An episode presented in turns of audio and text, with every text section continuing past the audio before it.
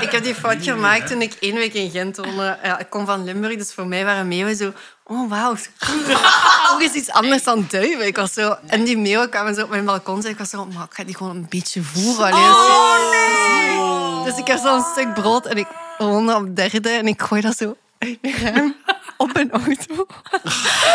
En die auto was me echt compleet ondergeschieten. Maar ik compleet ondergeschieten. Dat Je werd is wel een keigoeie tip als je iemand echt niet graag hebt. Oh, Gewoon brood uit een auto, ja. Dit is een podcast op wetenschap gericht. Wij zijn zelden van onwaarheden beticht. En wij zijn nog nooit voor corruptie gezwicht. Dit is het Nerdland. Maandoverzicht. Met uw gastheer Lieven Scheire. Oh yeah. Een goede dag iedereen. Welkom bij alweer een nieuwe aflevering van het Nerdland Maandoverzicht. Wij kijken terug op het wetenschapsnieuws dat ons de voorbije maand het meest is opgevallen. Vandaag is het maandag 27 november 2023 en ik zit hier met Els Aert. Hallo. Jeroen Baar. Hoi. Hetty Helsmotel. Dag, lieven. Natta Kerkhoffs. Hallokus. En Kurt Beheid. Goedemiddag. Eh, goed, ehm, het eerste item zou, denk ik, eigenlijk in Silicon Valley nieuws gemoeten hebben, maar ik kan er eigenlijk niet van uit van er Nee. gewoon keihard mee te openen. Science is the greatest show on earth, eh, wordt wel eens gezegd. En eh, je kan dat in verschillende flavors krijgen. En nu kregen we soapserie, of een beetje Game of Thrones. Eh, waar heb ik het over? Ik heb het over de OpenAI-saga. Voor de mensen die niet mee zijn, heel kort. OpenAI is het bedrijf dat onder andere ChatGPT maakt en DALI, dus een zeer actieve commerciële ehm, artificiële intelligentieontwikkelaar en aanbieder in Amerika. Ehm, de leider daarvan, de CEO, is Sam Altman, een soort charismatisch Silicon Valley figuur. Nou, charismatisch voor Silicon Valley. Ja, tuurlijk. Maar ja, zoals Zuckerberg. eh, Ja, ja, ja. Zoals Zuckerberg. Maar eigenlijk, die, die dat is nu eigenlijk sinds een jaar, een jaar en een half, dat Ja. hij ook een beetje meer bij de science followers zoals wij in beeld komt. Daarvoor was dat al een Bij de, celebrity bij de gorillas. ja. in Silicon Valley zelf. Maar voor ons past hij nu ongeveer wel in het rijtje van Musk, Zuckerberg, Bezos, Gates enzovoort. Eh, maar Jeroen, die werd plotseling ontslagen bij OpenAI, wat denk ik voor veel mensen, eh, zoals ik ook, een eh, keiharde donderslag bij een kraakheldere hemel was. Ja, het was op een vrijdag, ja, voor ons namiddag. Dat Ik hij weet het plots nog, het was op een plots vrijdag. We weten allemaal waar dat we waren. Ja, voilà. Diana's dood, Michael Jackson dood, Sam Altman ontslagen. De- drie keer gewoon thuis. Ehm, ja, die werd dus plots ontslagen en er was heel veel onduidelijkheid waarom. De eerste berichten waren, er was... eh, On, eh, ontevredenheid over zijn communicatie met de board. En daar hebben we meteen al het eerste probleem. OpenAI is niet heel normaal gestructureerd als bedrijf. Omdat dat oorspronkelijk een non-profit was, is hun board niet opgebouwd uit mensen die noodzakelijk een stake hebben in het bedrijf. Daar Dus die geen commercieel belang hebben. Die geen Ja, commercieel belang hebben bij het bedrijf. En daar zou het dan toch gerommeld hebben. Dan waren er ook wat geruchten van de zus van Sam Altman die hem zou beschuldigen van seksueel ongepaste eh, ged- gedragingen en zo. Dat is dan gelukkig snel eh, Met de zus zelf of met iemand Eh, anders? Onduidelijk, onduidelijk. De, de zus en Sam hebben een, een soort van relatie die, die, die zeer woelig is. Wat? Ehm, maar maar het, het werd al snel duidelijk dat de, de reden van de breuk lag tussen een beetje een twee strekkingen die zich over de hele wereld en ook in Silicon Valley eh, aan het voltrekken zijn. Mensen die vinden dat het met AI niet snel genoeg gaat en dat we eh, voluit op de gaspedaal moeten Sam duwen. Altman dan? Ja. en mensen die dat zoiets hebben van, oh ja, pas op, misschien moeten we toch een beetje nadenken waar we misschien mee bezig zijn, eh, de risico's, weet ik veel wat allemaal. En die twee kampen moeten geclashed hebben, waarbij het huidige boord eerder was van, oké, ehm, wij zijn oorspronkelijk een non-profit, we zijn dat al lang niet meer, maar misschien moeten we nadenken over ja, dingen die in de toekomst kunnen gebeuren. Misschien moeten we sustainable development doen, want OpenAI is momenteel een bedrijf dat er enorm veel geld aan het doorbranden is. Allee, Ja. venture capital Silicon Valley-stijl, die zijn nog niet winstgevend. Hè? Ik dacht, training van GPT-4, 200 miljoen dollar, denk ik, enkel Ja. voor de training betaald. 800.000 dollar per dag aan computekosten. En dat is allemaal goed en wel als je eh, met 13,1 miljard gesponsord wordt door eh, Daddy Microsoft. Maar er zijn wel wat belangen in dat bedrijf, waardoor het sneller en harder moet groeien. En ja, dat, dat was niet naar zin van de board. We hebben nu enkel nog maar de openingsaflevering van Ah, de show. absoluut. Ja, ja, dat was vrijdagavond. De, dus de board eh, ontslaat Sam Altman. Voor iemand zoals ik, die compleet niks kent van bedrijfskunde, bedrijfsstructuur enzovoort. Ik zie Sam Altman als hoofd van OpenAI. En ik denk, hoe kunnen ze die nu ontslaan? Dat is Ja. toch de baas. Maar dus je hebt dan een Blijkbaar board. lag dat met... Het is, het is bijna NMB-stijl. OpenAI zijn drie bedrijven, waarvan het er één een non-profit is. Heel ingewikkelde structuur, waardoor die dus kon ontslagen worden en waardoor, waardoor ook de hele vrijdagavond mensen van OpenAI geïnterviewd werden, zelfs mensen met een vrij hoge functie, die ook niet konden antwoorden op waarom dat die ontslagen is. Omdat die, en eigenlijk die, die, die board of directors die kan apart in een vergaderruimte Ja. kruipen, iets beslissen, dan naar buiten brengen en dan pas weet de rest van het bedrijf. dat. Correct. Ja. En dan werd het zaterdag en dan werden denk ik de investeerders kwaad. Microsoft die zowat zijn hele toekomst op AI aan het inzetten is. Eh, ik kom regelmatig op plekken waar Microsoft Copilot gepitcht wordt en dat, is, dat wordt alles.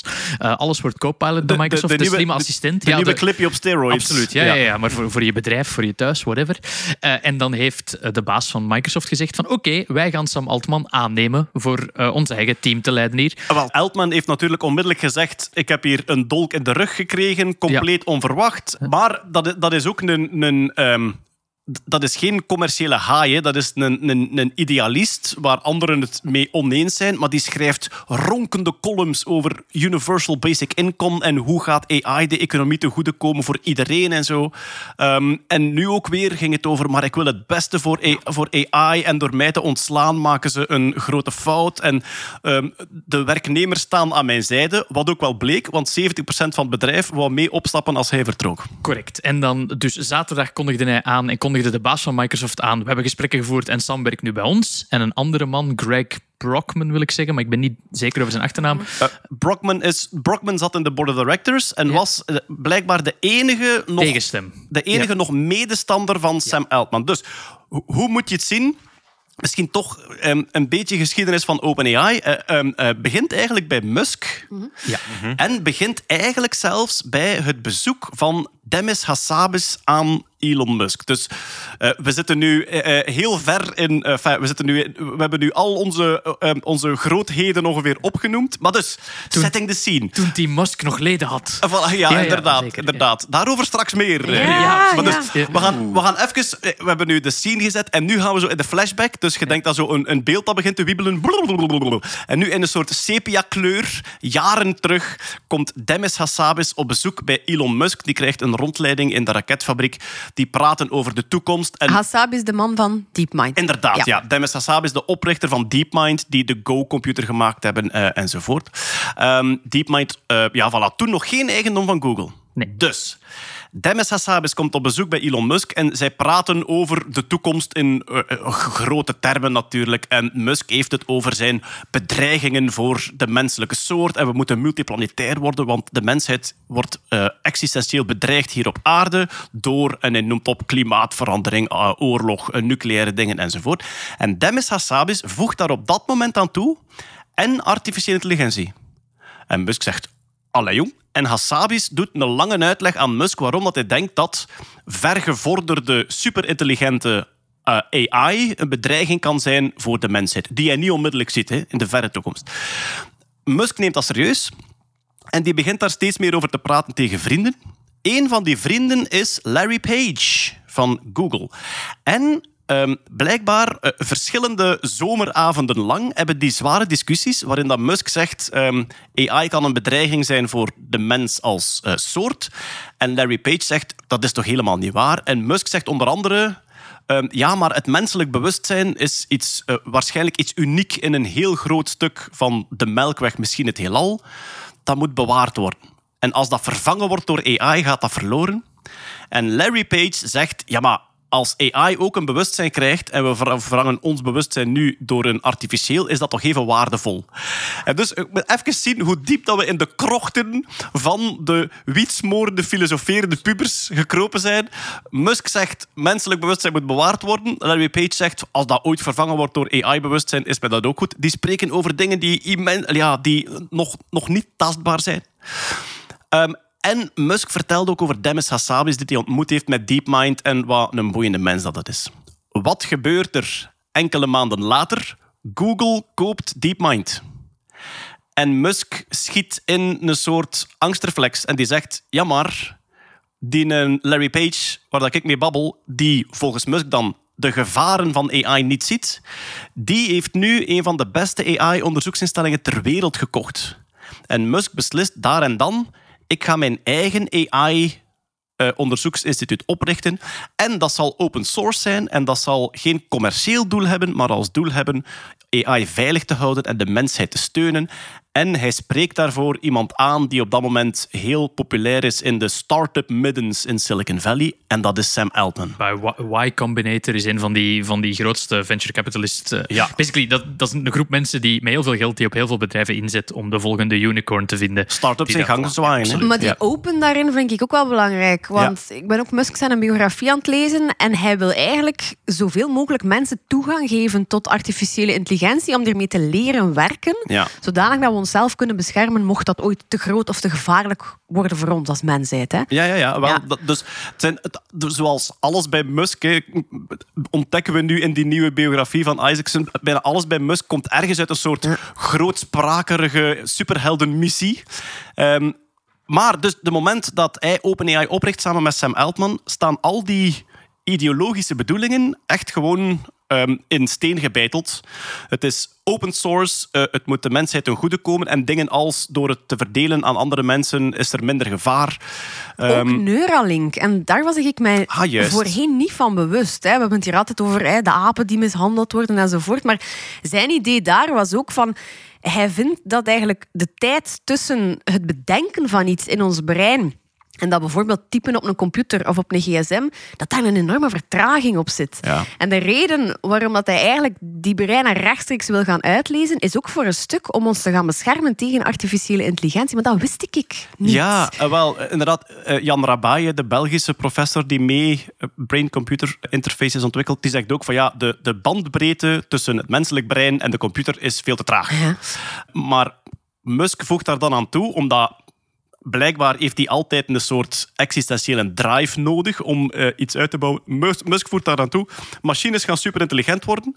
Als wij niet nutteloos willen worden, moeten we een zo goed mogelijke connectie tussen het menselijk brein en de machine bouwen. Dat was wel een nieuw inzicht voor mij. Ik wist dat ook Ah, ja, niet. Ja. Ik ben er ook niet helemaal mee eens. Er zijn commentaren die, die beweren dat dat ook een beetje retrofitting is van wat dat de bedoeling was op Dat die, kan. die moment. Dat kan. Zwat.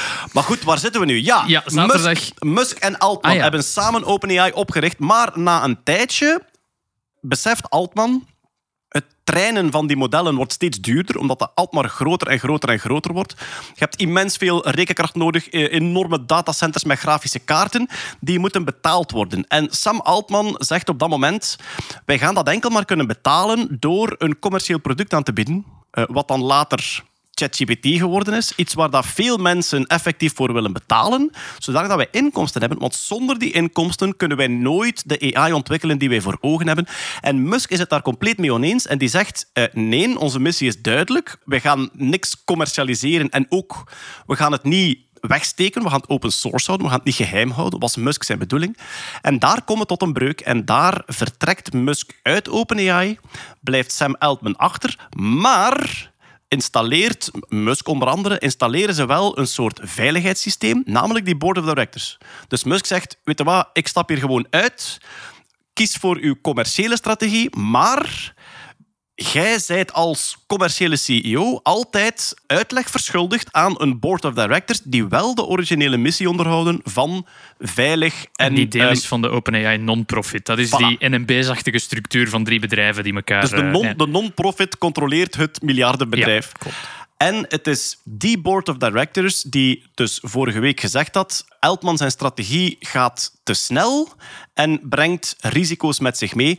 Wat die risico's zijn, hebben ze niet letterlijk gezegd, waardoor dat iedereen immens speculeert. Er is een nieuwe AI in ontwikkeling bij hen, Q-Star heet die. Ja, dat is, dat is puur... eh, dat is ook maar een bericht dat er achteraf gekomen is. Dat is, dat is voor mij marketing. Dat is, Ah ja, zeggen- oké. dat is puur marketing voor mij. Want er is, we kunnen dat niet checken, we kunnen dat niet verifiëren. Het zou een AI zijn die zo'n grote stap genomen heeft, die basiswiskunde kan oplossen op een manier dat ChatGPT nu niet kan. En dat zou absoluut de, de sleutel zijn tot, tot AGI en alles dat erbij komt kijken. Dat is voor dat- mij... maar, dat ja. bedrijf heeft veel imagoschade geleden nu. Dus ik denk, Ik denk dat dat daarin moeten kaderen. zo, eigenlijk de, de, de stap van GPT-3 naar GPT-4 is eigenlijk al groot. Dat, dat ding kan echt veel meer, is veel betrouwbaarder. En wat dat zij een beetje op hinten is, de volgende ontwikkelingsstap zou de stap kunnen worden die plotseling economisch zeer betrouwbaar wordt. Je kunt nu niet op vrijdagavond naar huis gaan en aan ChatGPT vragen om je boekhouding in orde te maken tegen maandagochtend. En zij zeggen dus, denk ik een beetje, de moment dat dat wel kan, gaat de hele snelle impact op heel veel jobs zodanig groot zijn dat dat eigenlijk ontwrichtend is. In de pers wordt daar dan AGI van gemaakt. Voor de duidelijkheid, AGI is Artificial General Intelligence. Dus een AI die niet, die niet één specifieke taak kan, zoals schaakspelen. Maar een AI die een beetje alles kan, waarvoor Steve Wozniak de koffietest uitgevonden heeft. De koffietest is een soort aanvulling op de Turing-test. Dus Turing-test was het moment dat je praat met een computer en je kunt niet meer zien of het een mens is of een computer, zijn ze intelligent. Daar zijn we voorbij. Eh, nee, daar zijn we niet voorbij. Er is vandaag een paper uitgekomen die dat, eh, de verschillende moderne AI-modellen aan een Turing-test onderworpen heeft. En minder dan 50% van de tijd slagen ze. Ah, Dus ja, ze zijn ja. er dan nog absoluut niet. Dat is ook dus zo'n je kunt soort van nog- lijntje. Absoluut. Je kunt nog gaan testen en polsen. Ja.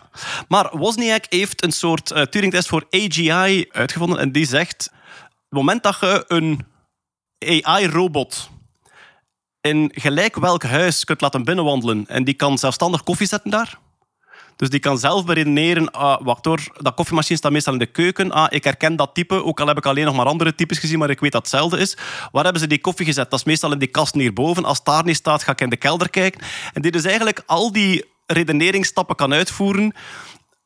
Waarom, waarom heeft Wozniak die test gepakt? Omdat hij eigenlijk een beetje aantoont... Robots werken heel goed in gestandaardiseerde omgevingen. Als het allemaal dezelfde vakantiehuizen zijn met dezelfde koffiezet op dezelfde plaats, is het gemakkelijk te programmeren. Maar zo dat organische van ik moet hier een beetje zoeken en redeneren, dat vond hij de AGI-test.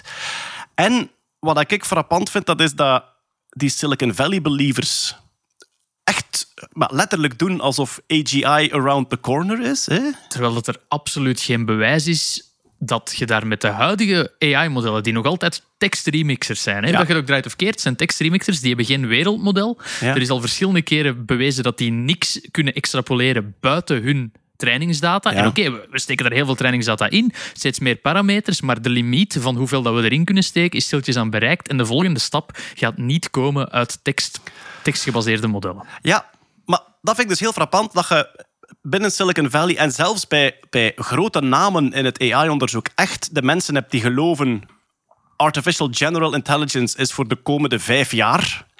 En ik ben nu deze maand ook langs geweest in Brussel bij de VUB. Heb je het AI-lab, Ja. het lab voor artificiële intelligentie, en dat bestaat 40 jaar. Ja, dat is een lab dat al heel lang bezig is. vind ik heel tof aan, om aan mensen te zeggen, ja, maar bij de VUB werken ze al 40 jaar aan AI, want iedereen denkt dat dat iets van de voorbije vijf jaar is. Ik ben daar langs geweest, ik heb daar een paar interviews gedaan met de mensen die dat mee opgericht hebben. Eh, Ja, eh, Wee, ehm, de, de professor die daarvan heel vroeg bij was en die nu ook eh, een cursus gaat geven, Roots of AI. En dat is geweldig boeiend om met die mensen te praten, omdat die zo down to earth zijn. En omdat die zo, ja, al die hype en al die AGI, Heel die, kritisch. Ja. die schudden dat geweldig van zich af, omdat die zijn er dag in dag uit mee bezig. Die hebben gezien waar dat vandaan komt. En basically zien die vooral matrixwiskunde.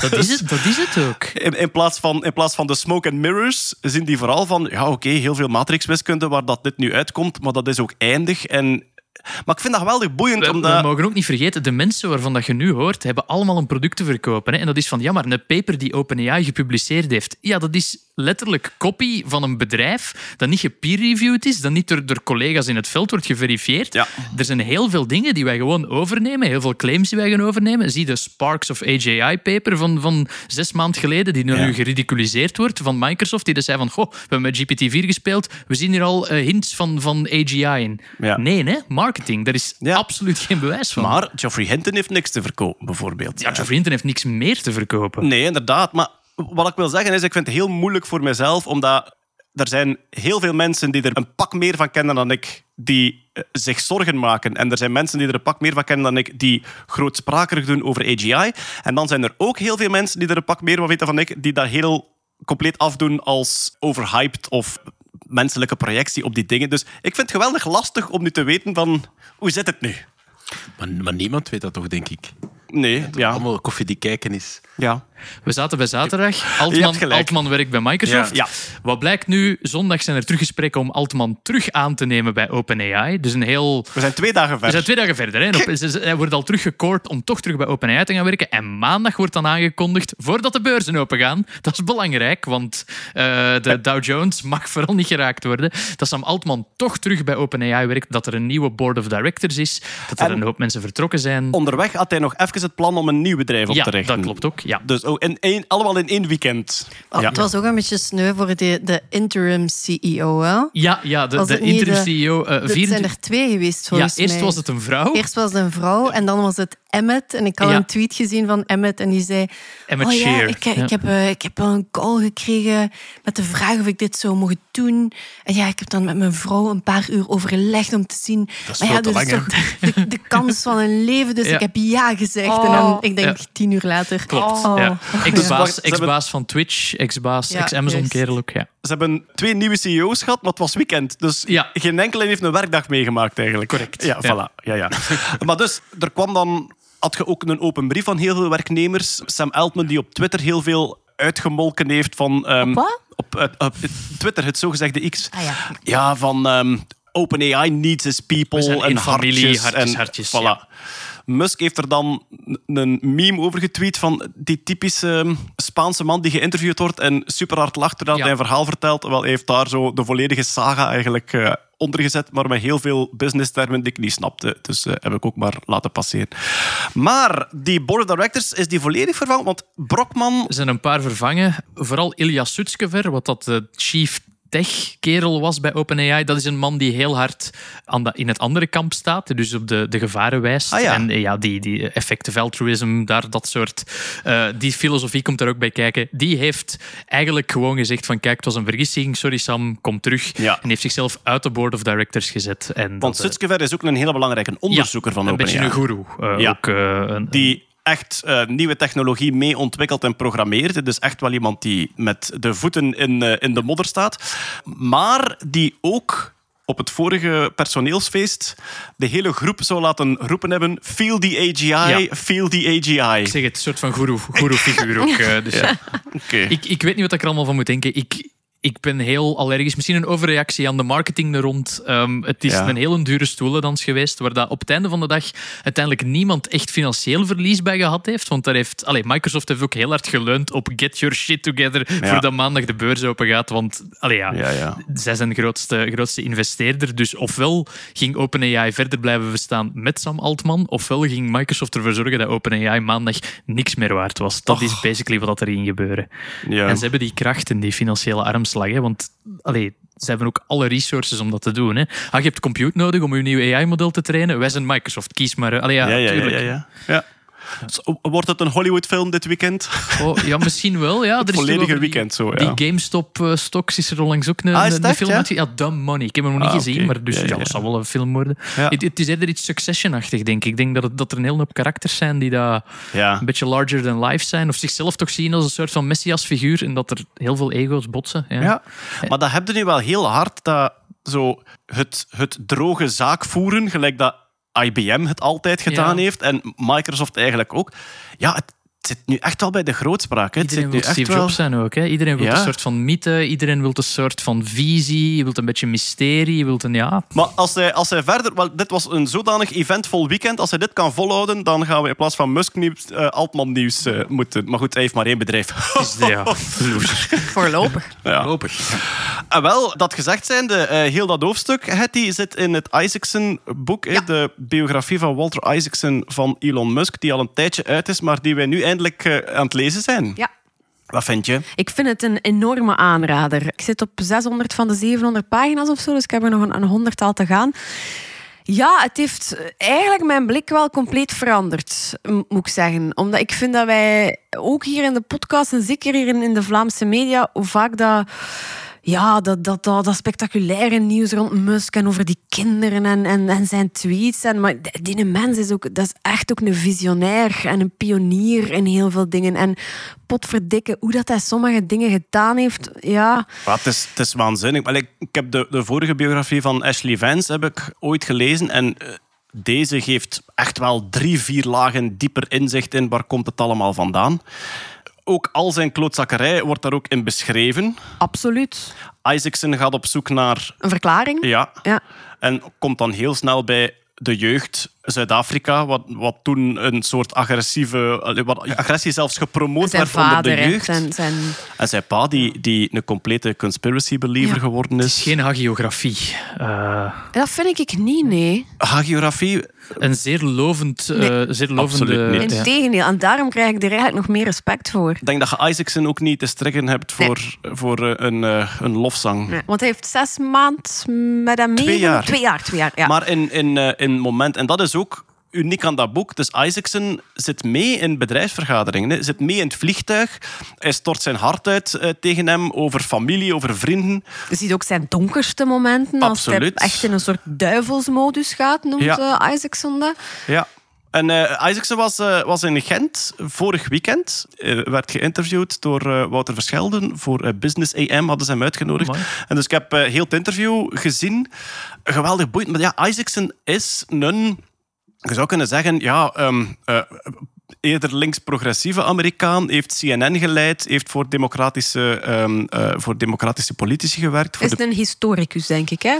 Van... ik weet het niet precies. Ik denk het wel. Ik weet het niet. Maar eh allee, hij zit meer aan die kant. En je merkt in die boek ook dat hij zo met een soort zachtheid probeert te begrijpen wat dat, die, dat wild geschop van Musk vandaan komt. Je merkt in het boek dat sense of urgency is iets wat dat Musk opzoekt. Namelijk, als het te goed gaat, creëert hij een probleem. En of dat, dat, dat is de vraag die ik mij vaakst gesteld heb bij het lezen.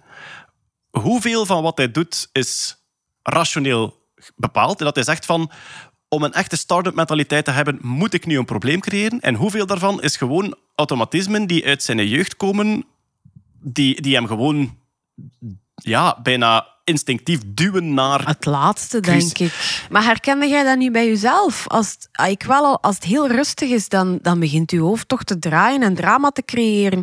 Minder dan Musk. Nata Ah, Nata knikt knikt, naast ja. mij. Jep, jep, jep. Ah, wel, ik, kan dat, ik kan dat bevestigen dat Hetty dat heel erg heeft. Ja. Want er is één periode die- die Isaacson omschrijft waarin dat allemaal heel goed gaat. De bedrijven draaien eindelijk goed. Hij wordt Time, eh, time Person of the Year. Hij is rijkste man ter wereld. En Isaacson omsch- omschrijft zijn onrust terwijl het gebeurt. Ja, ehm, goed. Lezen. Ja, de, twi- Absoluut. de Twitter-saga zit daar ook in, waarin dat er onder andere gezegd wordt... Misschien maakt hij de vergissing dat hij dacht dat Twitter een technologiebedrijf Ja, was. ja. Maar het is eigenlijk een sociaal bedrijf. hè. Het gaat over samenleving en adverteerders. En, die Ja, en over menselijke interactie. En als Ja. één iets duidelijk wordt in dat boek, is dat hij geen kaas gegeten heeft van Nee. interacties met andere mensen. En hoe gedraag je je sociaal acceptabel. En, en En daar zit dan de, de andere kant tussen van het, het zeer technische en het compleet begrijpen de- dat de CEO zelfs kleine onderdelen van machines op de werkvloer begrijpt en verbetert. Dat is een beetje het unieke eraan. Hè. Dus al zijn tekortkomingen in de sociale kant zitten in zijn enorme betrokkenheid, eh, ja, zijn visionaire blik en zijn onuitputtelijkheid in, in die werkvloer.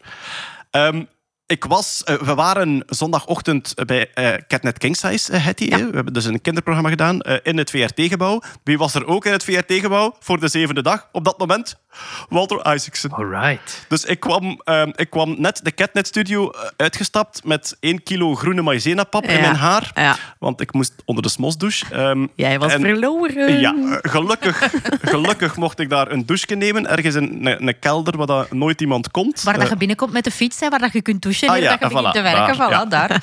En dan ben ik met fris gewassen kopje in de cafetaria van de zevende dag gaan zitten. En zo met blinkende oogjes van straks komt hij hier. Ik had mijn boek nog bij, want de, de avond ervoor was die lezing geweest. Die was niet mee geweest onder de Smosdouche, de boek. Eh, Dus nee, nee, nee, nee. Nee, nee, nee. En eff- effectief komt die man binnen en eh, ik ga er een babbelke mee gaan doen. En hij heeft mij een boek gesigneerd. Ik heb hem ook gevraagd of hij Team Musk is of Team Musk Skepsis. Ik heb dat misschien een beetje gemarket. Hè, als zijnde, ehm, de oorsprong van Team Musk en Musk Skepsis was, voor zover ik het mij herinner, dat Team Musk effectief geloofde dat hij zelf mee het genie was achter het bouwen van de raket en de machines. En dat die Musk Skepsis zei van, ja, nee, dat, die, dat is façade en die... die En hij eh, komt alleen maar met mooie plaatjes, maar nooit met concrete he dingen. the money around ja. enzovoort. En toen ik die uitleg deed, was Walter Isaacson compleet Team Musk. Ook al heeft hij grote kritiek ook op zijn ehm, alt-right getweet en Ja, dat soort dingen. We hebben nog een garage vol Musk-skepsis-t-shirts die moeten verkocht worden. lieve Ik heb er hem een meegegeven. Ah, ja. Ik heb hem een Team Musk en Team Musk Skepsis t-shirt meegegeven. Ik weet niet of hij er ooit iets mee gaat doen. Maar toen hij hoorde dat wij een podcast hadden waar veel mensen geïnteresseerd in dit soort onderwerp naar luisteren, kreeg ik toch wel niet zijn mailadres zeker. En zegt hij tegen mij, zeg, als ik een keer een half uur of een uur vrij heb, wil ik via videoverbinding wel een keer een special doen met jullie. Wauw. Ja, dat, eh, Ja, dat gaan we, straf. dat gaan we Ja, niet laten passeren. Ehm, ik weet het niet. Ja, ehm dat hangt er vanaf volgens welke definitie. Geen, geen tech-nerd, denk ik. Maar ja, wel iemand die... Ja, als je, als je kloevers van biografieën schrijft van Da Vinci en van Einstein en van Jobs en van Kissinger... En Jennifer Doudna. Jennifer Doudna ook. Ook een aanrader hoor. Maar we gaan met een half uur zo hard niet toekomen. Ah, wel, maar ik denk dat we het over Musk gaan hebben, want als je Ja. al de rest er... En, en ja, maar eigenlijk moet het ook over, over Doudna zeker en over, over Jobs ook wel hebben. Ja, wat. We gaan zien. Ik, laat, laat- ik zal hem eerst een mail sturen. Ja, Misschien was het gewoon een flirty truc, hè. Je weet nooit, hè. Ik weet niet hoe dat gaat, of dat, of dat je telefoonnummers krijgt van iemand. Ah. En beleefd zijn in de mail. Hè. Ja, voilà. Heb je ja. die een telefoonnummer al eens geprobeerd? Want misschien komt je nergens op uit. ja. Ja, die was zo 04. 1, 2, 3, 1, 2, 3. Ik doe dat soms en gewoon mijn laatste nummer veranderen. Ja, maar dat is nu wel heel dom dat je dat zegt, want als je, dan heb je maar negen nummers te testen. hè. All right. Ooit is een nummer gegeven met de landcode van Sudan. Eh, 061. eh. Die man is nu ontvoerd. Eh. All right. Eh, goed. Dat was ons eerste item. Drie uur later. Ja, ja, ja, Expres met een mond aan het houden. Want, eh, Maar wat maar- wou je nog zeggen misschien? Oh, nee, nee, nee. Ik, ik ben een beetje allergisch aan het, aan het algemene... Ah, de manier waarop er over AI bericht wordt, vind ik in ons Vlaamse landje is te sensationeel. Ik Maar- heb heel vaak de indruk dat er op elk gerucht gesprongen wordt. In de zin van, oh mijn god, daar is achter de schermen iets geweldig aan het gebeuren. En AGI dit en AGI dat. En Ja. heel weinig mensen ontleden het tot wat dat het is. En dat is marketing. Ik, absoluut, Echt waar. Ik snap dat volledig. Ik denk, er heerst zo'n hele grote FOMO bij heel veel mensen. Ja. Als we de trein nu niet pakken, dan missen we hem. En niemand snapt het volledig, denk ik. Ik ook helemaal niet. Dus, dus iedereen denkt van, ja, de Maar kiekjes zonder kop soms. Dat zijn toch gewoon de crypto bros die geen crypto meer hebben? Ja, Zou kunnen. mis- wel, een, een stuk van de investeerders is van, van crypto naar AI gegaan. Nu, als je, als je kijkt naar Ja, crypto... al, al die grafische kaarten, daar moest er iets mee doen. Hè. Er zit meer vlees aan, absoluut. Ah, wel, maar ik als je kijkt naar crypto, metaverse, AI, dan is het grote verschil, dit is wel een effectief product dat meerwaarde creëert. De- volgens de laatste rapporten van, van Axios en die S&P, die, die onderzoeksbureaus, heel veel bedrijven zijn nu voorbij de piek van de Gartner curve en beginnen te merken van oké, maar om dat effectief te implementeren, een demo is één ding. Ja? Ja, ja. ChatGPT dat een foutje maakt, is haha, je stelt hem een andere vraag. ChatGPT dat in uw customer service een, een customer uitscheidt, Ja, één op de tuurlijk. 500 keer, dat is een ander probleem. En heel veel problemen met kwaliteit van de data die ze willen aanleveren, want mensen denken van oké, zo'n systeem trainen, we hebben daar gewoon veel data voor nodig. Nee, nee, je hebt heel veel data nodig om daar iets deftig van te Maar kunnen maken. dat je die hetsen misschien ook een beetje nodig hebt. Hè? Ja. Zodat je iedereen mee hebt met heel het verhaal. En dat iedereen erachter vraagt en dat je geld Maar je kunt investeren. allee, er is nog een extra stap, want jij, jij hebt het nu over de economische bruikbaarheid om dat ding Ja. in te zetten om echt nuttig werk te doen in een kenniseconomie.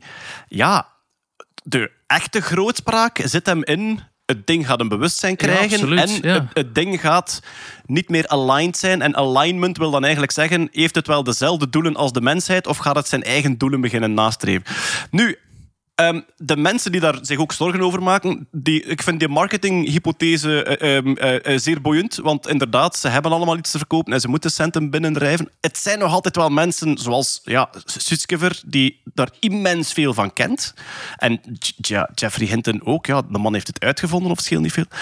Maar ik praat dan ook veel, zoals bij het AI-lab van de VUB. Die zijn, die zijn 40 jaar oud, dus die gaan nu begin december vieren die 40 jaar AI-lab van de VUB met een evenement. En ik heb daar dan interviews gedaan, eh, heel de namiddag, met mensen die daar gewerkt hebben. En ik denk dat die wel ergens online komen op YouTube of zo. Maar ik zal dat volgende aflevering zal ik, wel, zal ik ja. dat laten weten.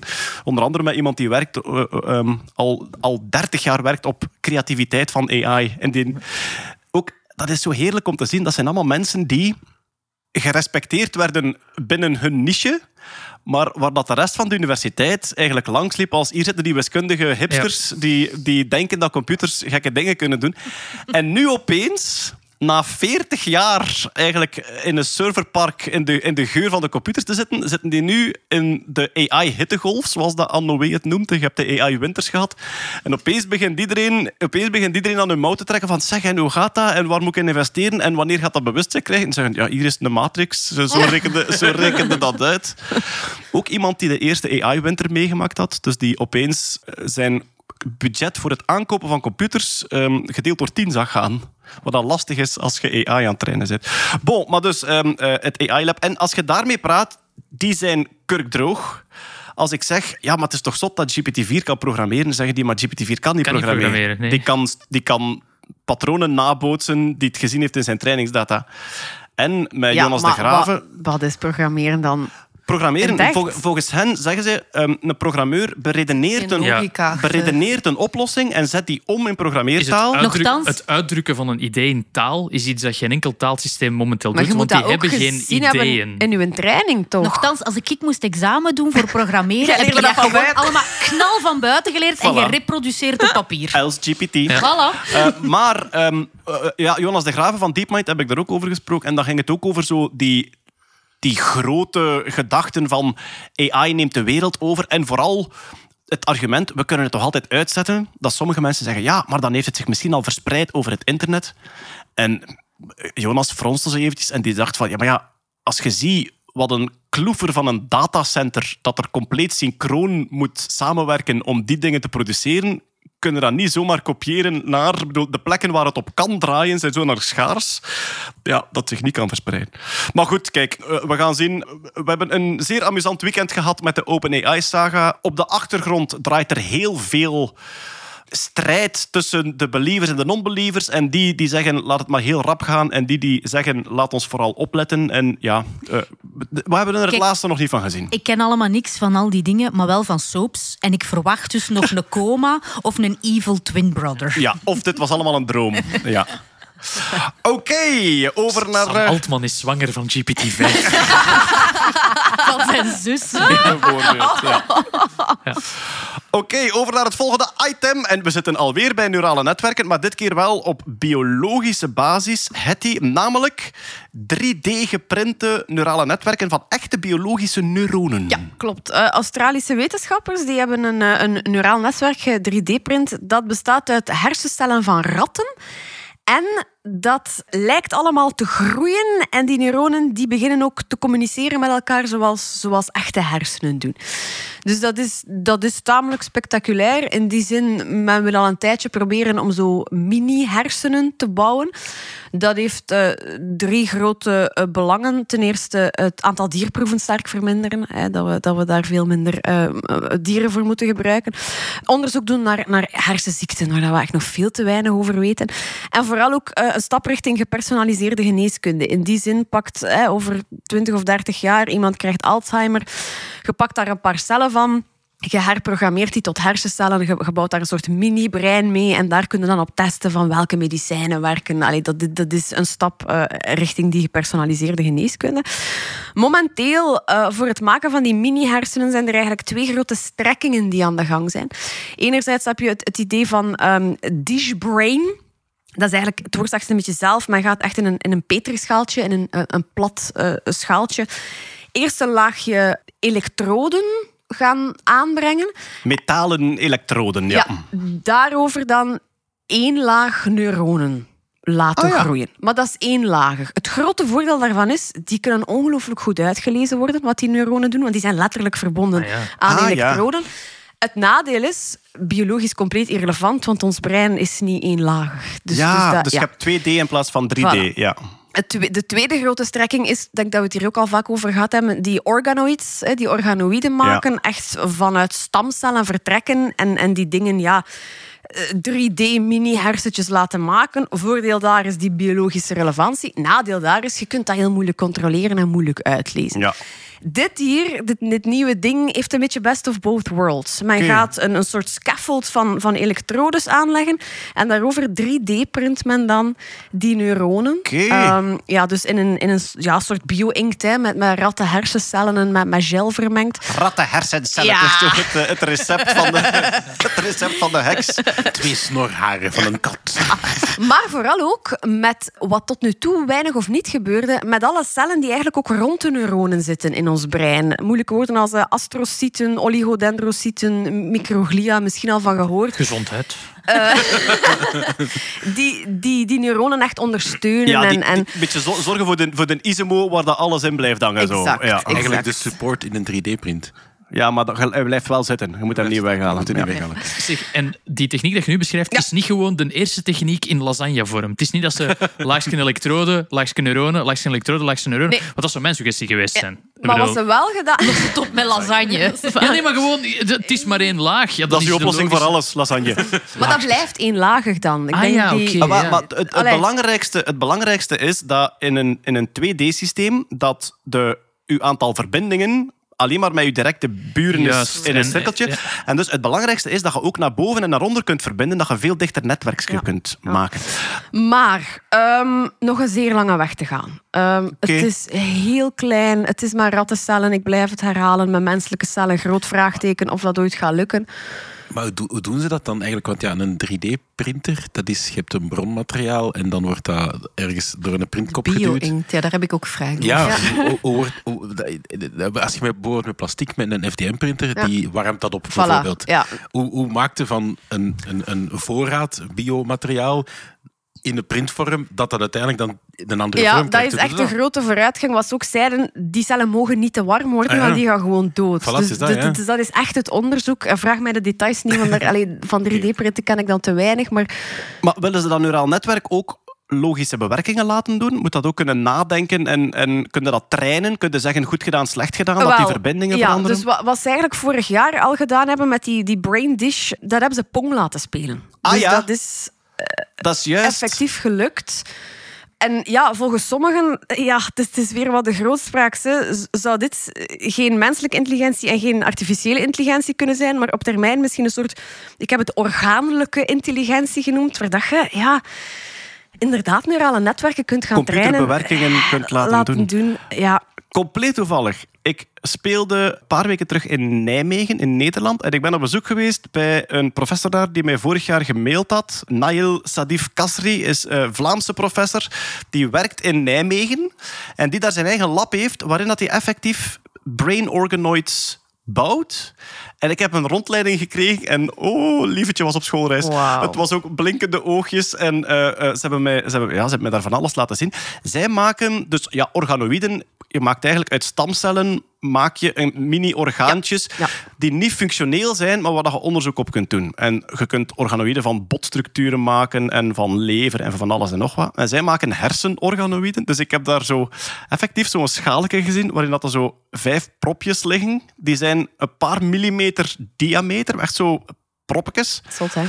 Ik vroeg hem dan van, gebeurt daar nu iets in? Uiteraard zitten daar geen gedachten in of dat soort dingen, maar die vuren wel heel synchroon. Want zij hebben ook die elektronen die ze erop kunnen verbinden. Zij hebben ook dat probleem aangehaald van in die 3D-structuur kun je van binnen niet uitlezen. En nu zijn ze, en dat is dan de link met Neuralink, zijn ze eigenlijk aan het kijken naar, naar kleine pinnetjes die ook een stukje erin steken. En ja, ze, ze hebben me dan zo ook de microscoop laten zien waarop dat ze die dingetjes dan laten vuren. Zij halen hun stamcellen uit bloed. Enfin, het zijn geïnduceerde stamcellen. Dus Ah ja. ze moeten gewoon bloed trekken bij een patiënt. Ze halen daar cellen uit die ze kunnen bewerken tot als ze terug stamcel worden. En die kunnen ze dan met bepaalde chemische impulsen zich aanzetten om neuronen te worden. En vanaf dan is dat echt een wildgroei. Hè. Dus ze hebben gewoon glucosewater en wat extra dingen nodig. En dan is dat een wildgroei van ja, ehm, cellen die delen, altijd maar meer neuronen. Na een tijdje beginnen die te diversifiëren. Dus zie je zo aan de rand dat die weer andere cellen beginnen worden. Dan moeten ze er dan afknippen. Het is echt zo tuinieren met Handjes hersencellen. die zo uit de... Ja, het is echt zo tuinieren met hersencellen. Laat ons gaan. Ja. En, Kleine voetjes aan Ik, het ik krijg vormen. ook zo Black Mirror die mensen van wie dat ze dat bloed trekken, moeten die een soort van kuur volgen om hun stamcel eh, Denk het niet, nee. count omhoog te En, krijgen? en het vooral geven die hun consent daarvoor. Ja, want zij, Lieven, Lieven is er op een zetel in de lobby gaan zitten en voelt een sterke pijn in zijn eh rechter. Maar het zijn, zij zijn onderzoekers, hè? dus eh, zij werken in een ziekenhuis, maar aan de onderzoekskant. En het zijn allemaal patiënten met een bepaalde hersenaandoening, zoals dat gezegd Hetty. Wat dat ze eigenlijk willen, dat is dat je... ehm, ze weten nu al dat bepaalde medicijnen voor epilepsie bijvoorbeeld bij sommige mensen het verkeerde effect hebben. En nu zou... Dus hun toekomstbeeld is dat je echt bij een epilepsiepatiënt bloed laat trekken, stamcellen maakt, hersentjes laat groeien en dat je daarop Gepersonaliseerde Ja, geneeskunde. dat je daar 20 medicijnen op Dat is wel uittest. supercool, En dat je ziet van, dit organoïde reageert daar goed op, dus we gaan de deze pakken. Wat zij ook hadden, en dat vond ik echt heel cool om te zien, zij hebben een soort ehm, ja, chipje met elektroden om dingen uit te lezen, waarop dat zij neuronen laten groeien die ook zo die uitlopers maken. Hè. Dus, eh, die, Axonen. Ja, dus de axonen, zo die verre uitlopers om signalen te geven naar andere neuronen. Zij kunnen, omdat dat chipje zo fijnmazig is van elektronen, kunnen zij de snelheid van het signaal door het axon volgen. En dus ik heb daar zo een filmpje gezien waar dat je een neuron ziet vuren en dan zie je zo vertraagd dat signaaletje door dat ak. Je ziet dat zo vertakken in verschillende den- dendrietjes. En dan uitkomen bij iets anders. En zo zouden zij kunnen onderzoeken of dat bepaalde Signaaloverdracht. Inderdaad, Ja. te Ja. traag, te snel, Ja. te veel. Maar het is echt, het was heel cool om te zien. Ehm, zo'n vertraagd filmpje van zo'n vurend en dan liever op de achtergrond. Fire together! Fire together! dat is, dat is, eh, ja, dat is ehm, mijn idee van een schietscène in een goede film. Dat is eigenlijk gewoon zo... tjoe, tjoe, tjoe, tjoe, tjoe, Maar dat klinkt toch allemaal sci-fi eigenlijk. Ja, als wil je zo er- zegt printen met bio-inkt in mijn Ja. hoofd, denk ik, maat, nee, Ah, dat wel, ik wil er nog, 100 jaar. echt nog twee dingen aan toevoegen, omdat ik heb iemand geïnterviewd eh, een jaar of twee geleden voor VRT Nieuws, was dat Lisbeth Geris van de KU Leuven, die zei, die daar ook mee bezig is, in, in bot en in kraakbeen dan, 3D-printen, van laat ons opletten met die spectaculaire overdrijvingen, van we kunnen nu breinen printen. En ja, omdat Bij- zij zegt, ja, zeg, wij overal. ehm, lopen mogelijk onderzoeksgeld mis als wij een, een, een subsidie, een, alleen een voorstel indienen voor een vierjarig onderzoek naar het, het poging tot een halve millimeter kraakbeen printen, zegt zij, ja, dat wordt soms afgeketst omdat ze zeggen, waarom zouden we daar nog geld in steken? We kunnen toch al harten Ah, ja. en breinen 3D printen. Dus dat vind ik wel een belangrijke. Ja, ja. En daarop voortbordurend, België eh, is echt een heel prominente speler op het vlak van 3D-printing in de medische sector. Dus dat, allee, we hebben er echt een, een lange geschiedenis met kaaktransplantaties en hebben daar- 3D-prothesen. We hebben in Leuven een hele grote speler daar zitten. Hè? Ja. Materialize. Die Ja. straks, nog, die straks Die nog aan nog bod terug. komt. Ja, inderdaad. Ja, eh, BioInks bijvoorbeeld maakt BioInkten is nu Oost-Vlaamse starter van het jaar geworden. Dus dat, allee, dat- we zijn er echt wel weer Allee, wel frappant dat mijn printer niet wil printen als er geen magenta in zit.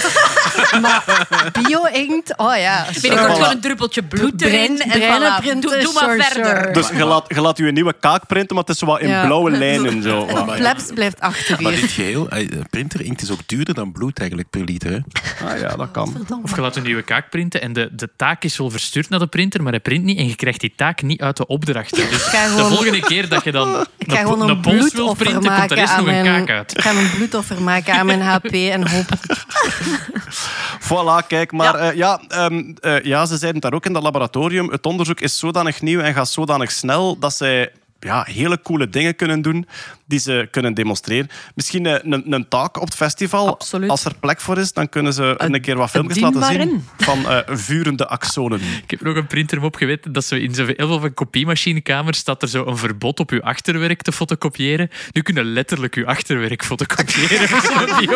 Allee, mannetjes, het was één keer plezant, Ja. maar nu is het wel... Wie Deze is- heeft je piemel op het fotocopiemachine laten liggen? Ja. Met Deze- huid deze staan is al- verspilling, Met ja. huid ze al, al het verst. Hè, dus Wie ja. heeft er hier weer een anus geprint? Het is Achtergelaten tussen de calamares. Dat vooruitje van wie is dat? Alright, eh, het volgende. ehm, ja, Natta.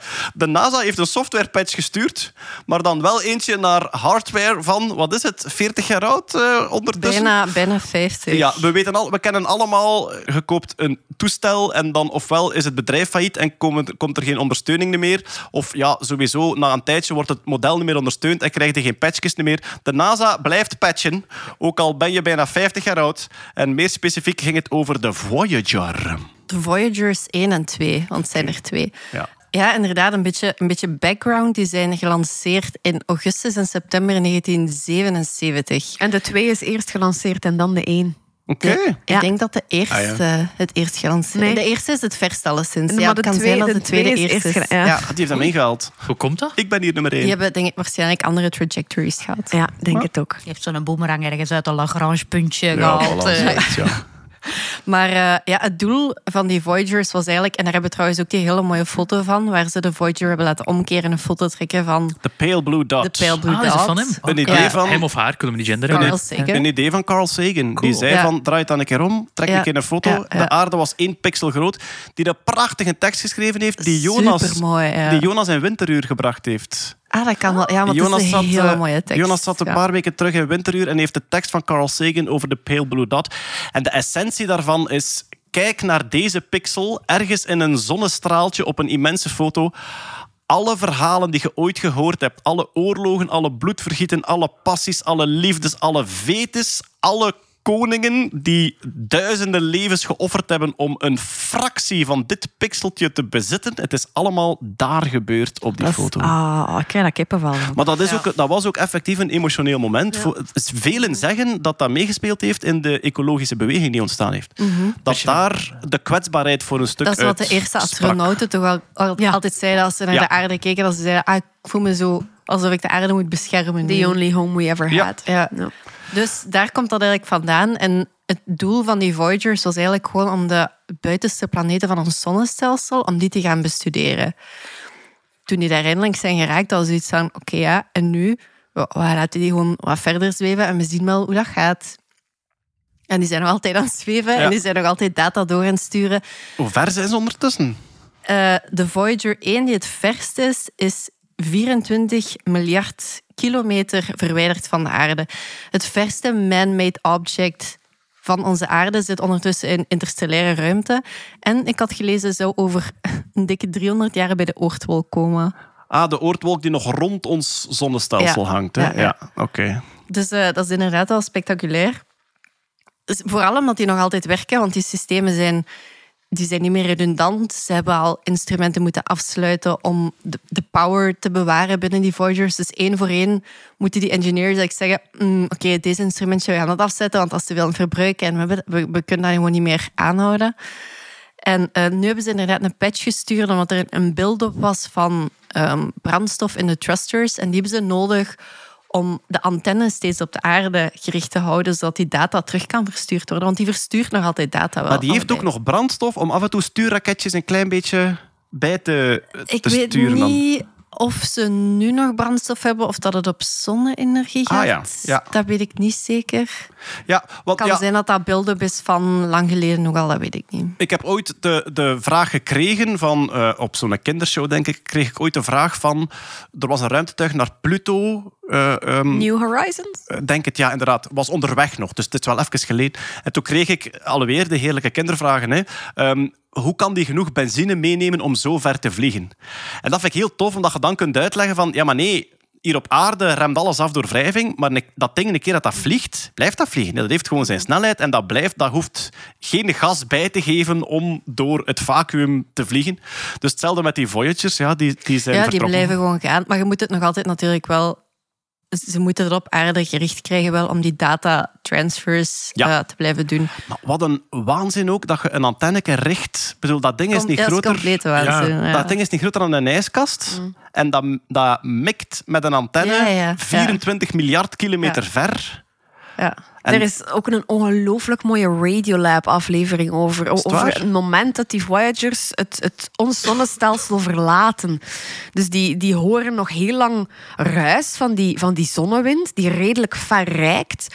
En dan echt het moment dat die buiten, echt buiten ons zonnestelsel gaan, dat is complete stilte. En ik, oh, heb je het gehoord Dat ooit? Ik vind Nee, dat, ik- dat heb ik niet gehoord, maar- Ongelooflijk schoon een aflevering. Ja. De, Maar trust, de thrusters dat ze nu hebben doen firen waren al 37 jaar niet gebruikt. Ah, kijk. Ja. 37 Ik ben jaar. 37. Dat moet dus- worden. Dus daar zit nog naft in. Maar Stuurt ja. er een patch op. Allee, ruimtenaft. Ik weet Wat, niet wat, wat het... wat eh, ook wel cool is, die zijn ik weet niet hoe ver, dus je hebt de, lichtsnelheid, maar Je hebt veel lijk.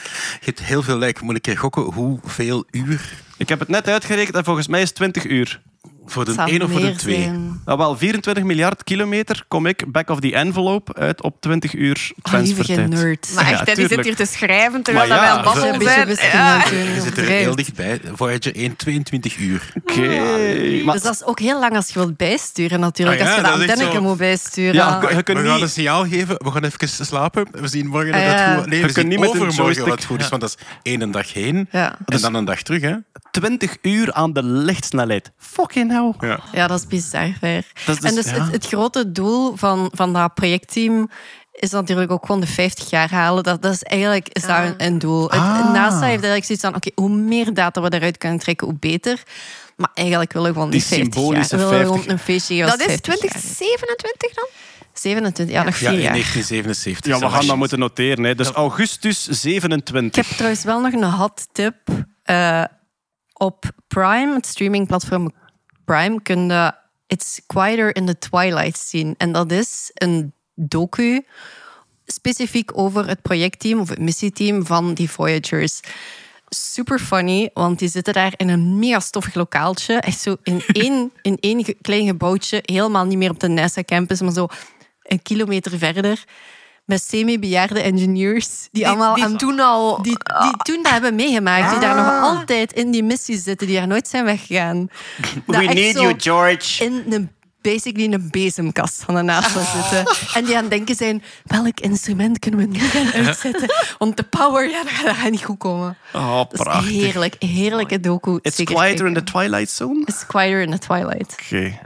Zou, dat, zou dat nu de, de oudste hardware zijn die gepatcht wordt ooit? Dat weet ik niet. Maar ja, dus, ja, ja, ja, misschien hebben ze nog wel oude computerservers, Sommige, jaren in sommige, 60. in sommige ja. banken is er ook heel veel mottenballen in de kelder. Hoor. Ik zo, ja, zo, zo COBOL-systemen dan nog draaien van in de jaren stilletjes. Maar ja, 77, het kan wel hoor. Ja. ik vraag me af. Ja, Alleszins, die Voyager die is al lang afgeschreven volgens mij bij NASA. Boekhoudkundig, ja, is deze pure winst. Dat, dat hij nog alle jaren door de keuring geraakt. Ja, ik vind het ongelooflijk. Ja. voilà. Pas op, ja, 20 uur eh, lichtjaar komt ongeveer overeen met de wachttijd bij de keuring. Dus eh, ik denk dat dat eh, ongeveer De intergalactische keuring. Ja. Oké, dus de Voyager is gepatcht. Legendarisch toestel. Ehm, we, heb- ja, we moeten het ook even hebben over een legende van hier op aarde. ehm, die er vandaag niet bij is. Maar Peter Berks, toch ja, leerkracht van het jaar, eh, heb ik gehoord. Sexy Berksie. Ouder, ouder dan de Voyager. Letterlijk. Ah, dus Onlangs ah, gepatcht. Ja. Hij is de oudst gepatchte hardware. ooit. 1,4 Voyager, denk ik. Ja, Peter. voilà. Ja, ja, ja. Ehm, Peter Berks heeft een meid. Eh, maar dan met IJT. Zeg, ze noemen dat een huishoudster. Ja, hè. nee, met IJT. Eh, eh, Peter Berks heeft een meid naar zich vernoemd gekregen. Wat? Dat is En dat- gebeurd door Jonas Merks en Dominique van Gansbeke. En dat zijn twee onderzoekers die bezig zijn bij de BINCO, de VZ2. Dat is het Biodiversity Inventory for Conservation. Basically een organisatie die dat eh, helpt om biodiversiteit in kaart te brengen. En wat hebben die in België in kaart gebracht? De biodiversiteit van de meid.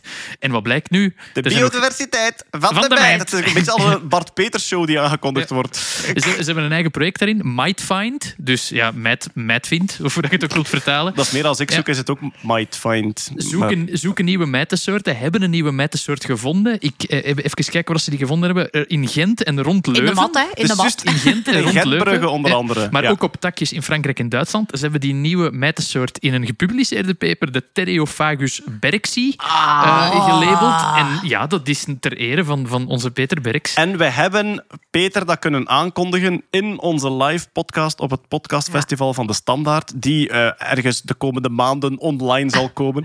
Ehm, maar hij wist er dus niet van, hè? en wij wel. En we hadden het over dieren genoemd naar beroemdheden. En dan heb ik hem verteld, ah, ik heb hier ook een bergsie gevonden. Oh, zo, dat is fijn. Naar welke berg is dat vernoemd? Ik zeg, naar Peter Berks. En dus hij heeft nu een volledige ingekaderde, ja, eigenlijk taxonomische tekening van die meid. De onderzoeker zelf had die meiden ook meegenomen en heeft er een kweekje van. En Peter gaat ze nu ook kweken bij hem thuis. Uiteraard. Dus kom, eens, kom eens naar mijn meid Nu, kijken. ik, vind dat heel cool, maar als iemand ooit een meid naar mij vernoemt, dat is een ex-god. Sorry. Ja. Ja, is het echt, ja. We hebben, ja. we hebben het daarover gehad, in hoeverre dat je kunt iemand kloten door... Ja, door geef mij een koeldier. Ik weet dat de zoogdieren weg zijn, dat zijn insecten nu, maar een koel insect. Blijkbaar het beslissingsorgaan dat daarover gaat, kijkt puur na of dat het volgens de regels van de kunst gebeurd is. Dus, De dus- naamgeving. De naamgeving, De naamgeving, ja. Het is Oordeelt, niet van, dat oordeelt niet ziet er over... mega cool uit. Nee, Mm. vandaar dat je ook de Trump, de Trump-vlinder hebt en Ja. de, de Hitlerkever of wat is het allemaal en de Beyoncé bij. Ehm, deze deze En meid de, is de een... scheraai... eh, Loba ja. femora inderdaad. Ja. Deze, deze meid trouwens, de Terreof- Terreophagus berxi, is een klein, traag, worstvormig beestje. Dat is meteen... Daar zou ik al niet Dat mee is, dat is, ja, maar, Maar laat, ons eerlijk zijn. Peter, kom aan. Dat, dat zich voedt met micro-organismen. Classic Peter. Op licht rottende takjes. Je kunt hem niet wegslagen van zijn rottende takjes. En in staat is om zich ongeslachtelijk voor te planten. Dus het is nog eens zo'n meid die dat een speciaal kan doen. Je weet hoe soort van... Pe- Hoeveel keer de laatste paar podcasts heeft ongeslachtelijke- Peter al over ongeslachtelijke keer voortplanting... En Ja, ja. Dat is wel waar. En nu Oh, heeft hem als zijn als eigen beest. ooit een insect tegenkomen op een motorrijder of zo, dat is dan dat dat. Tot op de foto. Een mot. Ja. Ook zo'n soort, zo'n soort van wet- wet- wetenschappelijke tekening met zo van die rokende, rokende banden zo, en erachter. een sigaret roken, zo. Maar het is weer een bewijs van iets wat we al een paar keer gezegd hebben. Als je taxonoom bent, hè, dus als je op de juiste wetenschappelijke manier insecten en mijten en ongewervelden kunt beschrijven, dan kun je dus gewoon in, in je eigen tuin en park nieuwe diersoorten ontdekken. Maar we gaan nog op reis moeten gaan, want dus van elke soort, heeft Peter ook uitgelegd in die podcast, is er één specimen dat als voorbeeld genomen wordt. Ja.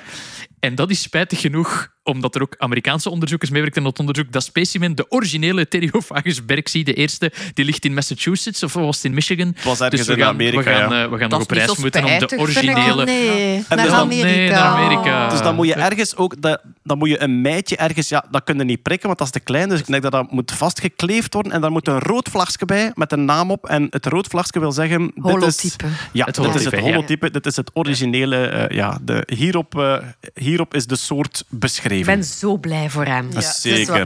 Voor Als de er iemand een meid verdiende. Ja. We gaan linken naar de paper. Dit staat vol met prachtige... Ik, ik, ik, dat was de eerste keer dat ik zo'n specifieke... Dat eh, jij een entom- wetenschappelijke paper las. Nee, zo'n... Abstract is genoeg.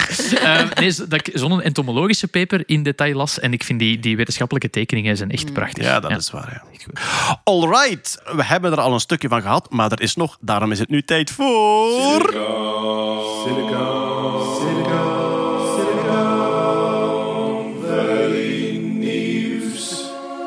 Ja, Silicon Valley nieuws eh, na het eh, de Sam Altman saga die we al gehad hebben. Het Starship is dan toch gelanceerd. Dus maandenlang hebben we aangekondigd, misschien wordt deze maand een Starship gelanceerd. Vorige maand hebben we het niet aangekondigd en nu is het gelanceerd. Eh, Starship- tweede, hè? De tweede, ja. Ja. Dus eh, Starship, hè, de, de, de nieuwe grote raket van SpaceX. De werknaam was oorspronkelijk BFR. Big fucking rocket. Big fucking rocket. Eh, Starship bestaat uit een eh, module, de grote suppositoire, die bovenaan staat, waar op termijn tot 100 astronauten in zouden kunnen vliegen. Wat een waanzin. Ik bedoel, het hoogste aantal is vijf momenteel, denk ik, die in een En hoe ver is hem deze keer geraakt? Ah, wel, Elf, eh, elf minuten Dat toch? is in de ruimte Eh, geraakt. ja. Ja, en daaronder dan de enorme De 80 tanker. of de booster. 100? 100, 100 kilometer. hoor. Ja, maar het, het was, allee, ik, vond het, ik vond het echt Het spectaculair. is een enorme vooruitgang. ja, maar ik heb mijn kippenvel zitten kijken. Maar het is de zwaarste raket ooit. Hè. En de krachtigste. En, en ja. alle, alle Raptor-engines zijn aangeschoten. Dat is waar. Bart, Bart eh, van Peer was heel teleurgesteld dat we geen Raptor Engine bingo konden spelen. Ja, om zo aan te op, een, op een kaart aan te duiden welke dat we denken dat er niet gingen Het marcheren. Was een vorige- volle kaart. Ja. De vorige keer zijn er waarschijnlijk veel uitgevallen door die brokstukken. Ze hadden nu dus een eh, vernieuwing bij het lanceerplatform. Hadden ze dus een enorme eh, waterhoeveelheid die keihard omhoog begon te, te eh, sproeien op het moment dat hij gelanceerd werd. En dat heeft die hitte opgevangen. En daardoor zie je ook zo'n soort stervorm van zes damppluimen die daaruit schieten op het moment dat die motoren beginnen brullen. Dan staat hij echt nog meerdere seconden stil. En dan pas vertrekt hij. En om hem dan zo te zien gaan met heel die een array van engines die schoon blijft gloeien en dan zo wegvliegt, ik vond het echt magistraal. Er zijn filmpjes, want dus ja, eh, Boca Chica, eh, Texas, het uiterste zuiden, ligt vlakbij Mexico. Er zijn filmpjes van een soort samenkomst op een Mexicaans strand, staat vol met pick-up trucks, die staan te kijken naar die lancering. En je ziet opeens dat gevaarte uit die wolk komen en je ziet dan pas enorm dat dat ding is. En dan zie je hem zo vertrekken. Kijk, een live lancering meemaken, het staat hoog op mijn Ah, ja. bucketlist. Het ding is, je kunt niet voorspellen wanneer. Hè. Nee, dat is het juist. Want ik heb, ja, ik heb een paar vrienden die bij de ESA werken en die vaak naar lanceringen gaan kijken van projecten waar ze zelf aan meegewerkt hebben. Die zitten daar soms drie weken Ja. te wachten tot als dat ding eindelijk toestemming krijgt. Ja, wat is er gebeurd? Dus de lancering ging eigenlijk supergoed. De grote test die ze dit keer wilden doen was de eh, separation. hè. Dus op het moment dat de tweede trap loslaat, dus het Starship loslaat van de eerste. Blijkbaar zijn daar verschillende technieken voor. En eh, de techniek die bijna standaard gebruikt wordt momenteel is dat je de twee een duwtje geeft uit elkaar gewacht een tijdje totdat ze ver genoeg van elkaar zijn. En dan pas gaat die tweede trap ontsteken. Want als die te vroeg ontsteekt, dan blaast die tegen de eerste trap. Nu, ehm, ze wilden bij SpaceX testen of ze het toch konden dus eigenlijk de, de tweede trap laten lanceren terwijl die nog vasthangt of vlak bij de eerste trap zit. Het gevolg is dan dat die echt ja, dus, eh, ehm, ja, uitlaatgassen blaast op die eerste trap, waardoor dat die een duw krijgt en begint te tollen. En dat is dan ook gebeurd met die gigantische booster. Daardoor konden ze die niet meer controleren en hebben ze hem laten ontploffen. Hè, want dus bij testlanceringen, bij anderen ook, heb je altijd een knop om het te laten ontploffen, dat het niet in zijn geheel terug naar de aarde stuikt. Het Starship-stuk is dan vertrokken, is verder gevlogen en na een tijdje is de volledige data uitgevallen. Eh, ik weet niet of ze al weten waarom. Heel vaak die motoren ja, die maken zoveel gassen aan dat daar ook weer elektromagnetische straling uitkomt die soms contact kunnen verbreken. Het contact is weggevallen en dan hebben ze de Starship denk ik ook gecontroleerd laten ontploffen. De bedoeling was dat dat Starship geen volledige baan rond de aarde ging maken, maar bijna. En dat die boven Hawaii ging in de zee storten. Maar dat is dus niet gebeurd. Ik denk dat het ook de bedoeling is op termijn dat de boostermodule, dus de onderkant, in zijn geheel terug naar de aarde komt. En dat die opgevangen wordt door de lanceertoren. Dat Dus is, dat is wel een gigantisch ding. Dat is, ja, ze noemen dat Megazilla of Ja. zoiets. Die heeft zo twee van die grijparmen om dat spel terug vast eh, Oh. te pakken. Ja, dat is wel cool. Dus de kwestie was, als hij terug moet landen, moeten we hem pootjes geven. Hè? Zoals die Falcon 9, hè? die zo mooi die pootjes eruit komen en terug landt. Die landt op de I Still Love You, zeker. Onder De andere, ja. Falcon, ja op de, of, of gewoon terug op het lanceerplatform. Of course, Ehm, I still love you. Maar die pootjes zijn extra gewicht en zijn extra onderdelen. En zoals je leest in de biografie van Musk... Schrappen, schrappen, schrappen! eh, ja, the best part is no part. Dus alles wat je niet nodig hebt, moet je eruit halen, volgens zijn filosofie, om productiekosten en productiesnelheid te verminderen. En het is een kans op een probleem minder. Hij heeft dat bij zichzelf ook met empathie gedaan. Wel, ja, waarschijnlijk. En dus die, die een booster moet dan... eh, eh, ze- toen dachten ze, ja, kunnen we hem niet laten opvangen door de toren, door de chopsticks, zoals ze het noemen. Dus de twee armpjes van de toren die hem terug moeten vastgrijpen. Ja, dat zal dus in een van de volgende testen ehm, moeten gebeuren.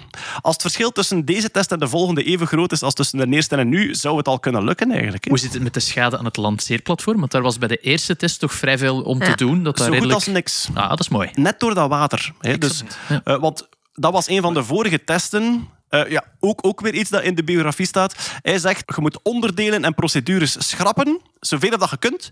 En als je er achteraf niet 10% terug moet bijzetten omdat je te veel geschrapt hebt, dan heb je niet genoeg je best gedaan. Dus een beetje overschrappen. En dus bij de vorige lancering, heel dat koelsysteem, had hij dan geoverschrapt en dat is er nu terug bijgezet worden. Ja, voilà. kijk. Maar niet alleen het koelsysteem, het is zo, als je zo een, een, een bunzenbrander hebt, zo dat ijzerke met zo die drie poten, zoiets ongeveer. Het lanceerplatform zelf is ook hoger gezet dan de vorige keer, om Ah, inderdaad meer ruimte te hebben om extra koeling te kunnen geven. Want De, er de, hebben zo, de, de, drie, de driepikkel over de bunzenbrander, bedoel Ja, je? Ja, ja, ja, de, drie, ja, ja. de ijzeren driepikkel. Ja, Ja. maar geen drie, maar dan vier of vijf pikkels. Ja. Maar er zijn ook foto's van ehm, een engineer dat Musk op, op een of ander platform, ik denk dat Twitter, nee, ik weet de, een of ander platform, gelijk Twitter, gepost had.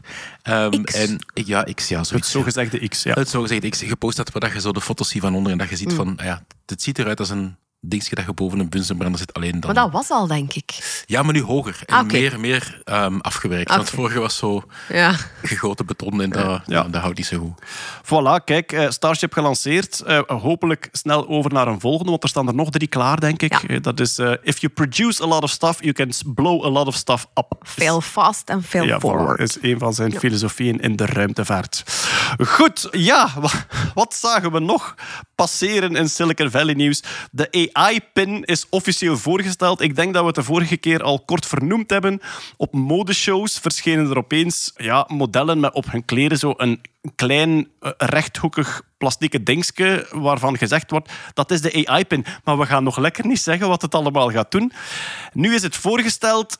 Goh, dat voelde toch heel Ga je erg... hem kopen, hè, Hetty? Dat gaat, eh, dat gaat Ja, ja, kosten ik- 799 dollar. 6,99, maar je kon hem alleen maar kopen eh, in de United States. Ja, Dus want ik- er zit een, ja. een soort van simkaart in, waardoor hij constant met een... Ik het- had abonnement. als early subscriber de mail gekregen. Van, Oh. Maar wat Maar is wilt, het? wilt je hem nog? Het is, het is blijkbaar een soort van... Ja, het is dus een ding dat je op je, je, je kleding spelt. Ehm, de batterijduur van het ding is vier uur. Maar langs de binnenkant van je shirt hang je er een magnetische batterij tegen die de batterijduur uitbreidt. Ik weet niet in hoeverre dat die wordt uitgebreid, eh, Hetty. Mag Kijk je naar mij niet En- het, het ding heeft, zou dus, werd in de markt gezet als een volledige vervanging van je telefoon. Omdat de, de filosofie erachter is, wij gebruiken nu technologie en die technologie neemt ons weg uit het moment. Dus een soort van filosofische overdenking erachter. Mooi zinnetje van de marketingdienst. Mooi, absoluut, absoluut. En eh, de- niemand heeft hem al in handen gehad, buiten een paar journalisten. En de journalisten die hem, beku- die hem hebben kunnen testen, zeggen van ja. ehm, wij voelen ons gegeneerd om naar onze tepel te babbelen, want er zit een microfoon in. En dus alle, daar niet hangen. alle interactie is met de microfoon. Ja? Ja. En het, Ah ja, je hebt geen toetsenbord. Nee, dat is allemaal voice. Ja. Ja. en het scherm is een ingebouwde projector die in monochroom, dus in één kleur, bepaalde iconen en stukjes tekst kan projecteren. Het probleem is, die volgt je hand niet, dus je moet je hand op één wel bepaalde Ah, locatie je halen. projecteert op je hand. Ja. Het is niet dat je een witte muur moet Nee. zoeken. Oké. Nee. Eh, dus je moet je hand op een bepaalde plek halen en dan was het niet zo goed leesbaar. De demo's die ze met het product gaven, die vond ik persoonlijk het grappigste. Ehm een van de demo's was heel, heel gemakkelijk, eh, vat het weer voor mij samen en dan projecteert hij het weer op je hand. Ehm, vat mijn sms'en samen, dus heel hard van die AI eh, die dan in de cloud draait, niet op Ja, dat device zelf gebruik maakte om dingen samen te vatten. Maar ook een demo van iemand die eh, een bepaalde een Twix voor zich uithield en dan vroeg aan zijn AI-pin, mag ik dat eten? En dan die AI-pin die zegt, nee, je bent allergisch aan chocola. Oh, wauw. Ja. Slim. Slim Absoluut, van de ja. AI. Ehm, Het is goed dat je daar een pin voor nodig hebt. ja. Ja. Ehm, dus mijn gevoel is zo'n beetje, als je het in de markt zet als iets dat mensen hun gsm wil doen vergeten, slash thuis laten, dan weet ik niet of dat dit hem gaat worden. Maar ja, dus Eh, eigenlijk als je, als je zegt, ik ga een keer op mijn sociale media kijken, dan gaan er zo monochroom groene Ja. Maar Maar dat afbeeldingen... is net de bedoeling dat je dat niet meer gaat doen hè, op je En sociale media kijken. babyfoto's. ik denk dat Weg, ze- weg denk- van die vreselijke afleiding Want dat, Ik denk dat in onze gaat beter- dat wereld. niet gebeuren, Nee. denk ik. Hè? Want Ik denk dat ze willen beter hadden, hadden, gemarket als zoals je nu bijvoorbeeld een smartwatch hebt die dat samenwerkt met je gsm en dat je niet je hele toestel moet bovenhalen om een sms te lezen, denk ik dat ze het beter als een soort van tandem hadden voorgesteld, als een Ja. soort van extensie van je telefoon. Je hebt tegenover van- disruptie nodig om iets te veranderen. Dus- Ja, maar je hebt ook, je hebt ook consumenten nodig. Ja, bijvoorbeeld als je zegt, ik wil nog snel een artikel opzoeken, dan moet dat ding dat volledig voorlezen eigenlijk, want er zit geen scherm aan. Of het moet projecteren op je hand en dan zit je daar op de tram eigenlijk naar je hand te kijken, Ja. heel de rit lang. Maar dan hebben ze even goede gsm. Allee, snap. Dat was een van de, de, de journalisten zeiden van ja, dat kan allemaal wel zijn, maar eerst op de markt zijn is niet noodzakelijk het beste voor een product als deze. En mensen hebben nog altijd in het openbaar, in een niet Silicon Valley omgeving, enorme schaamte om tegen Ja. Hoeveel mensen hoort jij nu op een telefoon op een trein Hey Siri zeggen? Ja. Dat gebeurt toch niet? Dat is iets Nee, dat wij niet doen. In tegenstelling, heel veel pubers die daar met hun telefoon babbelen alsof Ja? dat er met een luidspreker is. En Ah, dat ja. snap ik niet. Dat niet tegen hun oor houden, maar Ja. die dat, zoals Henk zegt, als dan een, als een delicatesse. Het is gelijk dat met ze... Ja, ja. toastje met zijn. Allemaal met hun voice messages ook. Oh, vreselijk. Ja. Waar. Stop ermee. Natta, Spannen. Natta het, Welkom. is ge- het is gebeurd. je, Welkom bent- je bij hoort niet meer, boomerdeel. Nee, nee, nee. je hoort nee. niet meer bij de jeugd. Nee. Jawel. Welkom Boomer bij- Natta. Nee.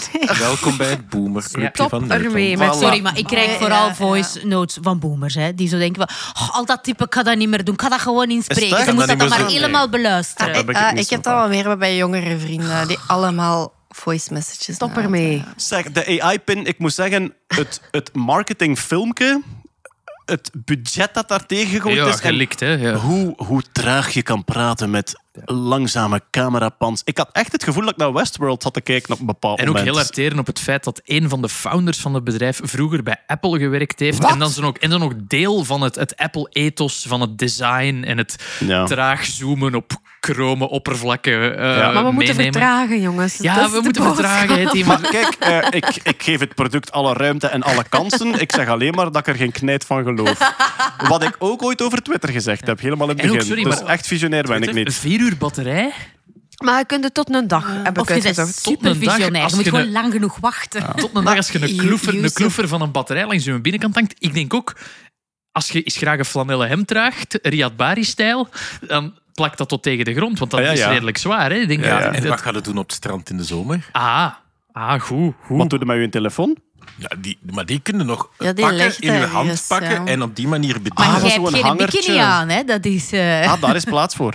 Of zo'n hangertje waar dat hij aan hangt. Of, Sowieso ofwel qua op je voorhoofd. usability. Ja, als je je hand zo op een bepaald... Allee, Wat dat wel goed was, als ik het een positief punt moet geven, er was een lampje aan de camera, dat als de camera werd Ah, ja. gebruikt, dat de lampje aanging. Ja, Ze noemen privacy het, first het, wel, hè? het Ja. intimiteitslichtje. Dus- Oh, wauw zeg. Als je dus nee, over iemand uit, zit, te- niet. zit te roddelen, dan moet je zo je hand zo'n beetje draaien, dat Ah, er maar niet te veel andere ik was juist mensen... aan het denken, stel, stel, niet uit mijn leven gegrepen, maar stel... Je staat, je op het toilet je staat op het toilet in een café, publieke ruimte. Je bent een beetje zat. Dat ding gaat aan en op een of andere muur projecteert jij je berichten of zo. Kan dat? Nee, toch? Ja, dat kan, maar... maar Want dat projecteert toch op alles, alleen niet op je hand. Gewoon. Nee, maar ja, als je op de juiste afstand van die muur staat, ja, dan kan dat. Hè. Kijk, de AI-pin, wait and see, zeg ik, jong. Maar ehm, ja, ik denk veel, veel marketing. Ik denk dat er veel lucht in zit. Maar goed, al, de keer dat Hetty er eentje krijgt voor kerstmis Ja, eh, van Els, dan zien we... Ehm, en dan verder, ja, goh, het artikel puntje puntje werkt aan superkrachtige, supergeheime AI. eh, is van zowat elk groot bedrijf gepasseerd de voorbije maand. Apple werkt aan supergeheime, superkrachtige AI. Amazon, eh, Google. eh, wat denken we daarvan, eh Jeroen? Ik denk dat dat goed nieuws is voor Nvidia, die dat al die grafische kaarten verkoopt. Ah, want ja, die, ja. dat is, allee, als je zo'n H100 eh, zo server GPU van Nvidia wilt kopen nu, denk ik dat je tegen een backlog van twee jaar aankijkt. Ach. Dus die, ja, ik denk vooral dat die bedrijven heel veel capaciteit aan het opkopen zijn. En je kunt daar rekenen onder werken aan een supergeheime AI, maar die zijn gewoon ook allemaal aan het doen wat dat OpenAI gedaan heeft, een groot large language model trainen op de data die zij hebben. Want elk van die bedrijven dat je net hebt opgelijst, hebben een hoop data die dan niet publiek beschikbaar zijn. Ah, ja. Google als voorbeeld heeft... Tuurlijk. Dus- Dus eigenlijk als mensheid zijn we heel inefficiënt bezig. Want eigenlijk zouden we Ja, al die data en- moeten samenleggen. Dat is, dat is hetgeen dat eh, Zuckerberg nu zegt bij Meta. Die zegt, ik ga AI-modellen trainen. Ja. Ik ga AI-modellen trainen die ik daarna open source zet, zodat iemand anders het niet meer opnieuw moet doen. En zo ga ik energie besparen. Of een- eigenlijk minder energie op, op, eh, Interessante opblazen. dissidente stem, Jan, Jan LeCun. De, ik weet niet of ik het juist uitspreek, ik denk dat het een Fransman is. Ook een van de de, Godfathers, de zeker. chief scientist eh, bij Meta, die daar in de alle AGI-hype niet meegaat, heel hard voor open source van AI-modellen ehm praat. Opnieuw, hij komt uit de stal van Meta, dus ik, ben eh, traditioneel een beetje... hmm, Maar ik denk dat hij oorspronkelijk uit het onderzoek komt. Ja, hè? absoluut. Ja. Ja, voilà. Goed, ja, we gaan kijken. Eh, Ik denk, basically willen ze allemaal iets maken dat krachtiger is dan GPT-4. Ehm, het is, en dat wordt dan in de media vaak omschreven als superkrachtige AI die de ik wereld niet gaat noodzakelijk overnemen. krachtiger. Ik denk meer gecustomized op hun gebruikers. Want Ah, ja, elk, van die elk van die bedrijven heeft al een gigantische userbase van want ze heel veel data hebben. Dus ik denk Ja. dat zij een, een optie zien om... Ja, hoe lang gebruikt jij al uw Google-account? Dat is al 10 jaar, 15 jaar. Al die data die jij ooit aan Google gegeven hebt, als daar een specifiek model op getraind wordt, dat u kan helpen, Ah. gaat veel beter zijn in naar uw noden te helpen, in uw soort mails te schrijven, dan een random model dat getraind is op allemaal data van het Personal assistant, ja. En wel, ik heb nu in mijn, in mijn e-mailprogramma Spark, geen sponsor, zit er nu een AI-knop. Dus ik kan elke mail die ik krijg, kan, kan ik laten samenvatten. Ofwel in bullet points, ofwel in een alinea. Ehm, ik kan ook antwoorden schrijven. Dus als iemand mij een uitnodiging stuurt, dan kan ik op de AI-knop duwen en dan vraagt hij ehm, ingaan op de uitnodiging of beleefd afzeggen. En dan schrijft hij gewoon het antwoord. En dan stuurt hij door. Eh, je kunt ook een mail schrijven en als je zegt, ben er niet content van, maak hem wat vrolijker, maak hem korter. Dat zit allemaal in het programma zelf nu. Ik vind dat wel heel straf dat een AI nog altijd niet geleerd heeft dat hij gewoon alle uitnodigingen moet afzeggen. In feite wel, ja. Dat zou de handigste AI zijn. Ja. Oké, dat was het einde van het eh, Silicon Valley nieuws van deze week. We hebben nog een paar dingetjes staan, zoals bijvoorbeeld dit. Eh Hetty, de eerste succesvolle oogtransplantatie is gebeurd. Daar moeten we wel bij zeggen. Het oog is getransplanteerd, maar het werkt niet. Nee, klopt. En, Dat ehm, was ook niet de bedoeling. Zo Dat kan was- ik het ook. Ja, waarschijnlijk. Maar het leeft wel, hè? Dus Ah, ja, eh, oké. het is niet dat er een doodoog in eh, eh, de man zijn gezicht zit. Inderdaad, een man, een eh, 46-jarige Amerikaan, ex-militair, eh, is een paar jaar geleden aan een eh, hoogspanningslijn blijven hangen. Heeft daar 7200 volt door zijn lijf gekregen. 7000. ja. Heeft dat overleefd, maar eigenlijk de hele linkerkant van zijn lichaam was, was compleet verwoest. En die is nu een superman. Maar die mens, die mens zijn gezicht is gesmolten en dat mocht je letterlijk nemen. Ja. Ja, ja, Ehm. Ja. Dus er zijn foto's te vinden van hoe die eruit ziet. Kijk daar niet naar als je weet dat je er niet tegen kunt. Ik zal het u even omschrijven. Je maakt een gezicht van plasticine. En dan ga je gewoon eigenlijk met je hand heel de linkerkant en de neus platvegen. Zodat dat ene moes wordt. En dan met je duim... Ja, ik ga toch moeten duwt- kijken, hè. Met, met je moeten- duim duwt je een gaatje waar dat de mond zat. En daar zie je zo wat tandjes door. En dat is het eigenlijk. het eerder als zo'n lasagne in een bakje die dat je niet horizontaal in je winkelkar gelegd hebt, maar rechtopstaand in de Ja. zijkar. Waardoor dat alle lasagne zo naar de ene kant gezakt is. Ah. La- u- la- jij lost alles op met lasagne. Is ja. echt, eh, Zo'n eh, pizza ja. dat verkeerd geleverd wordt. hè, Ja, zo verticaal. Ja. Maar goed, eh, een mens hij met gaf- gevoelens en dromen. Ja, Dat ook, Jeroen. hij gaf Voldemort het nakijken. Ehm, wat hebben ze gedaan? Driekwart van zijn gezicht getransplanteerd. Ja, ze wilden een, een, eh, ja, de helft is verwoest. Hè. Dus een gedeeltelijke gezichtstransplantatie doen met heel veel. Maar een van de ideeën was ook, zouden wij kunnen proberen om een complete oogbol te transplanteren?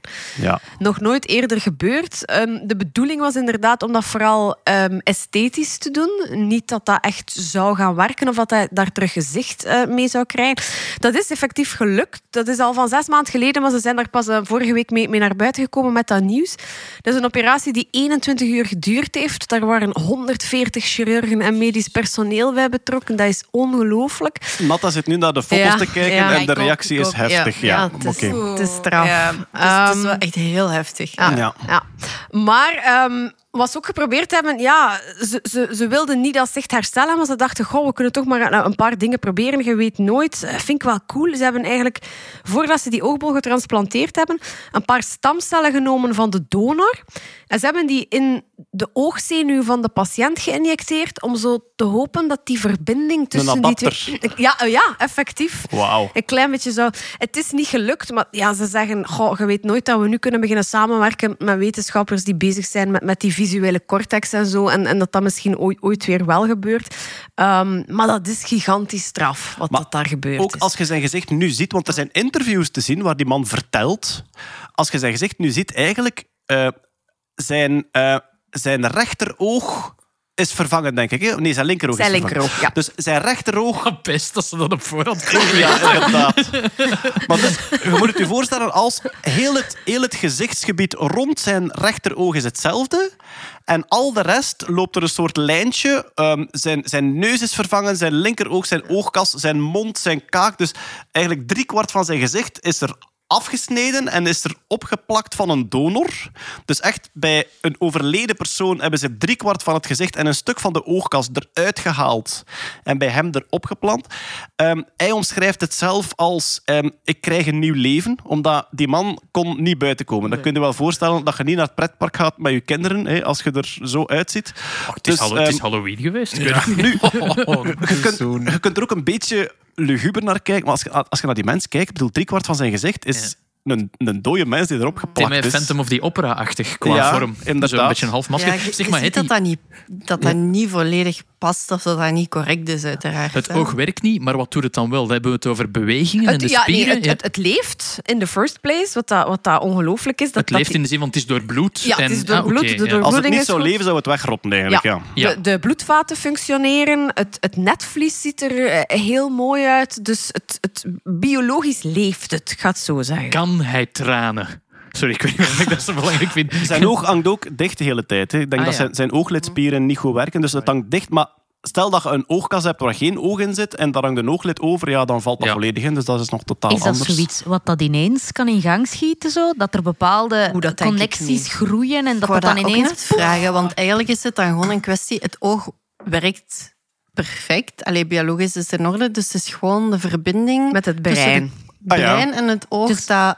Maar ja, je zit daar ook met eigenlijk een bundel van kabeltjes, van zenuwen. Dat netvlies, die resolutie van de netvlies, ja, dat zijn allemaal aparte zenuwsignalen die vertrekken. Dus ik denk niet dat dat zich kan Maar herstellen. ze hebben die visuele... Ze hebben de oogzenuw wel verbonden. Op een of Ja, andere ah, manier. wel. Dus eh, daarmee werd er inderdaad gezegd... de- de- het doel was wel om iets meer te proberen dan puur esthetisch. Ze zeiden, we kunnen maar proberen. Dus ja, het is ook maar het begin van iets, van iets compleet nieuws. En die verbinding, dat is niet knoopje erin en hope for the best. Dat is echt effectief verbonden in de zin van... Ja, Tegen elkaar duwen. Ja. Tegen en elkaar duwen het en hopen. Vastgroeit. Maar stel je nu Ah, cool, voor dat hij zo binnen een paar maanden opstaat en ineens een, een Zo licht of donker. ja, zoiets licht donker Ik denk dat er horrorfilms zijn die zo Ja. beginnen.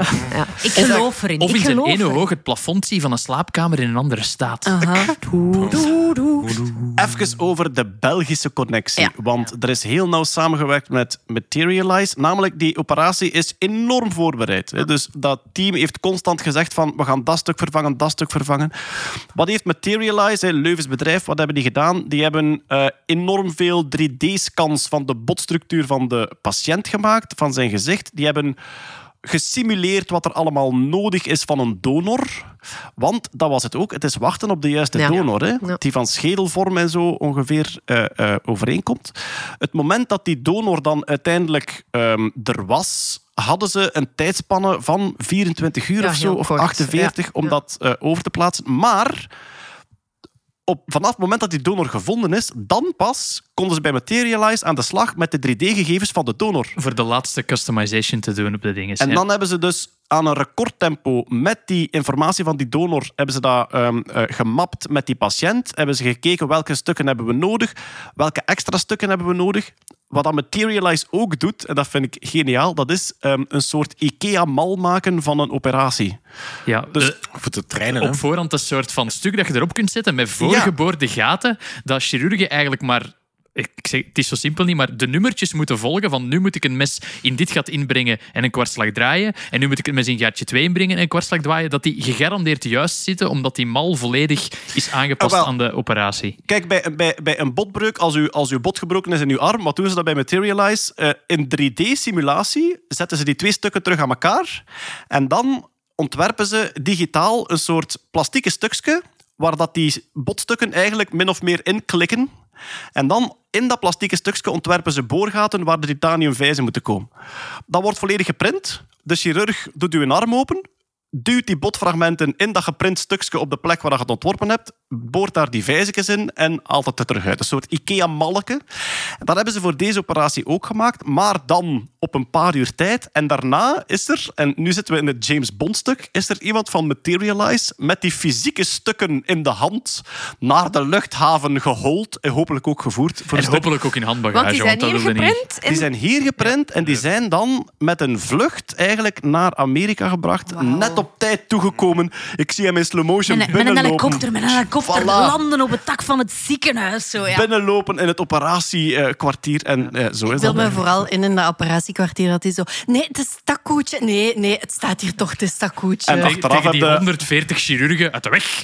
Of, of Of zo, of is zo. een vijf te Oei. weinig of zo. Oei, we hebben het gespiegeld geprint. Oei. Eh, wacht, ik ben direct terug, hè. Op het einde van de operatie inderdaad twee inbusvijzen over. Eh, ja, bon. Morgen valt zijn Die neus waren eraf. over. Ja.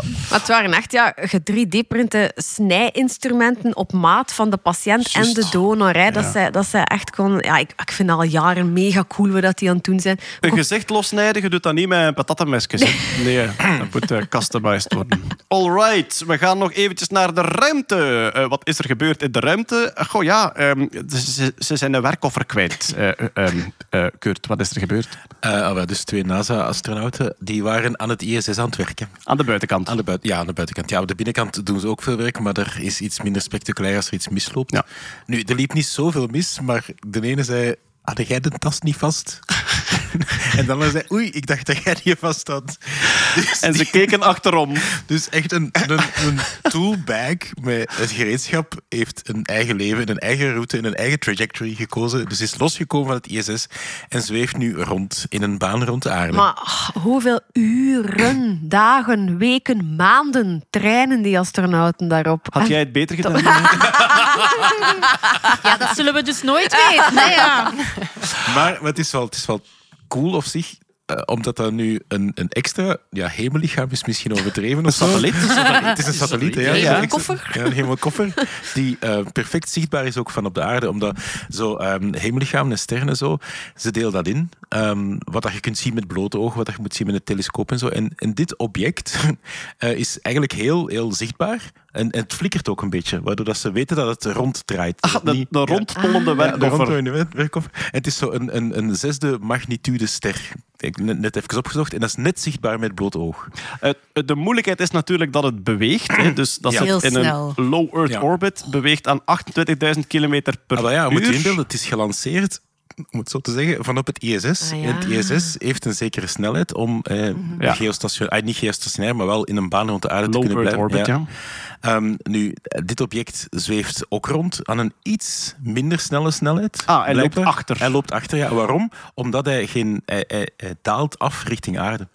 Ah ja, Dus eh, binnen een paar maanden gaat hem ook effectief wel neerstorten. Op Jo. opbranden. Ja, hè. Ja. Dat is natuurlijk het eerste dat ze moeten checken. Is, Mhm. Als wij een volgende omwenteling doen, komt dat niet terug om te botsen. Ah ja, dus botsing. Nu, het, het voordeel zou wel zijn, aangezien dat hij uit exact dezelfde baan vertrokken is, dat een botsing altijd een zachte botsing gaat zijn. Het is niet dat dat ding daar keihard gaat tegenknallen. Ja, dat is waar. Wat dat je het probleem hebt als je, als, als je een botsing hebt met iets dat je 90 graden kruist, ja, dan heb de- is de impact 28.000 Ja, dat, kilometer dat, dat per moet uur. wel getracked worden. Dat, Ja. wordt, dat wordt getracked. Ik denk dat er 45.000 van zo'n items zijn die getrackt moeten Ja, worden. maar misschien zit er een. AirTag in. Dat is dus ook Ja. Ik vind het heel fijn dat dat een vergissing is die dat je maakt in je leven en dat dan een officieel nummer krijgt en in een Ja. soort van database gelogd wordt en mensen op elk moment van de dag naar de hemel It kunnen kijken en zeggen van, loempe Jeroen. Maar het grappige is ook wel dat het zeker niet de eerste keer is dat dat gebeurt. Ah, nee, hè. vorig jaar nog, hè, is Ja, er nog een zijn- het zijn al- Het zijn losgelaten. al meerdere dingen dat zowel accidenteel als eh, intentioneel eigenlijk zijn losgelaten vanuit ISS. Oké. Dit jaar nog waren er cosmonauten die een heleboel hardware uit het ISS, dus intentioneel gewoon hebben eruit geflikkerd. Allee? En ik ga het zeggen met mijn beste Russisch accent in het Engels, wat zie je bij al een beetje in te leven. Ze hebben dat gelivestreamd en, en de cosmonauten zeiden... Bye bye, flies beautifully. wat ik briljant vind, want wie anders dan een Rus kan met weemoed naar ruimteafval kijken.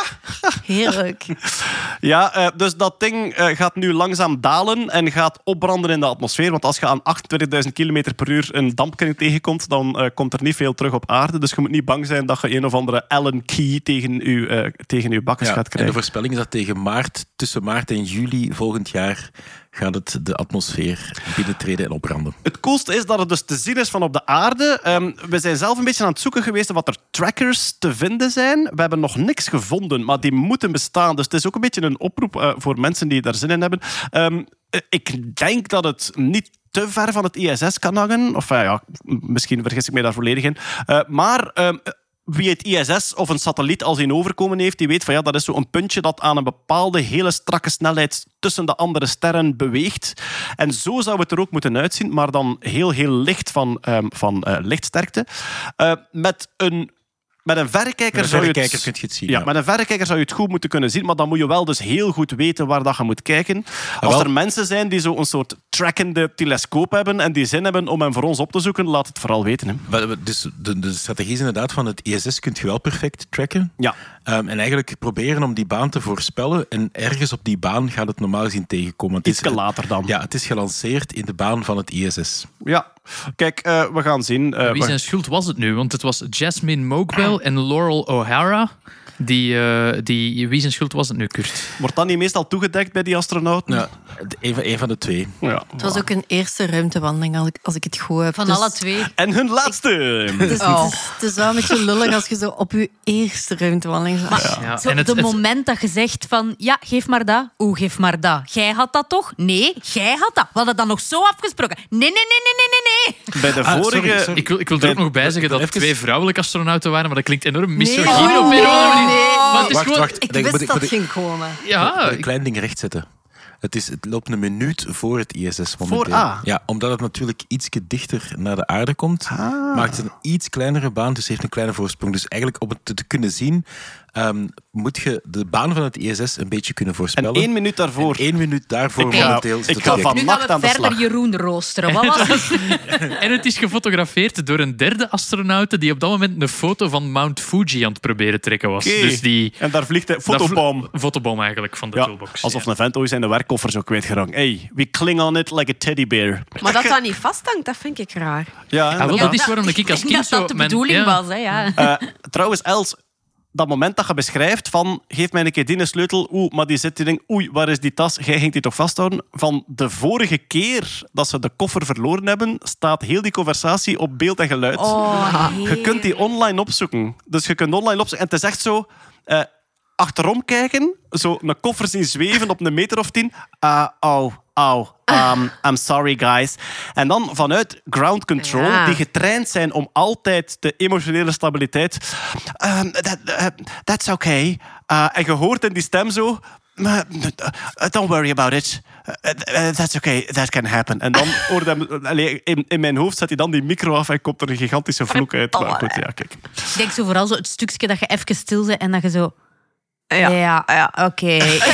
Volgens NASA was de toolbox niet meer nodig voor de rest van de Ik wou missie. net zeggen, ik wou net zeggen dat is Ja, wel ja. belangrijk. Hè, dat je Ah, ja, essentiële tools verliest. Dat is heel veel reschedulen tot de volgende bevoorradingsraket aankomt. Ja. Dat is het. Ja. Jee, we hebben een nieuwe vijsmachine. Het zou, het zou lulliger zijn als je nog maintenance moet doen en zo. Ja. Oh. Ja, de wc-ontstopper zat er Ja. ook in. Dat was wel heel jammer.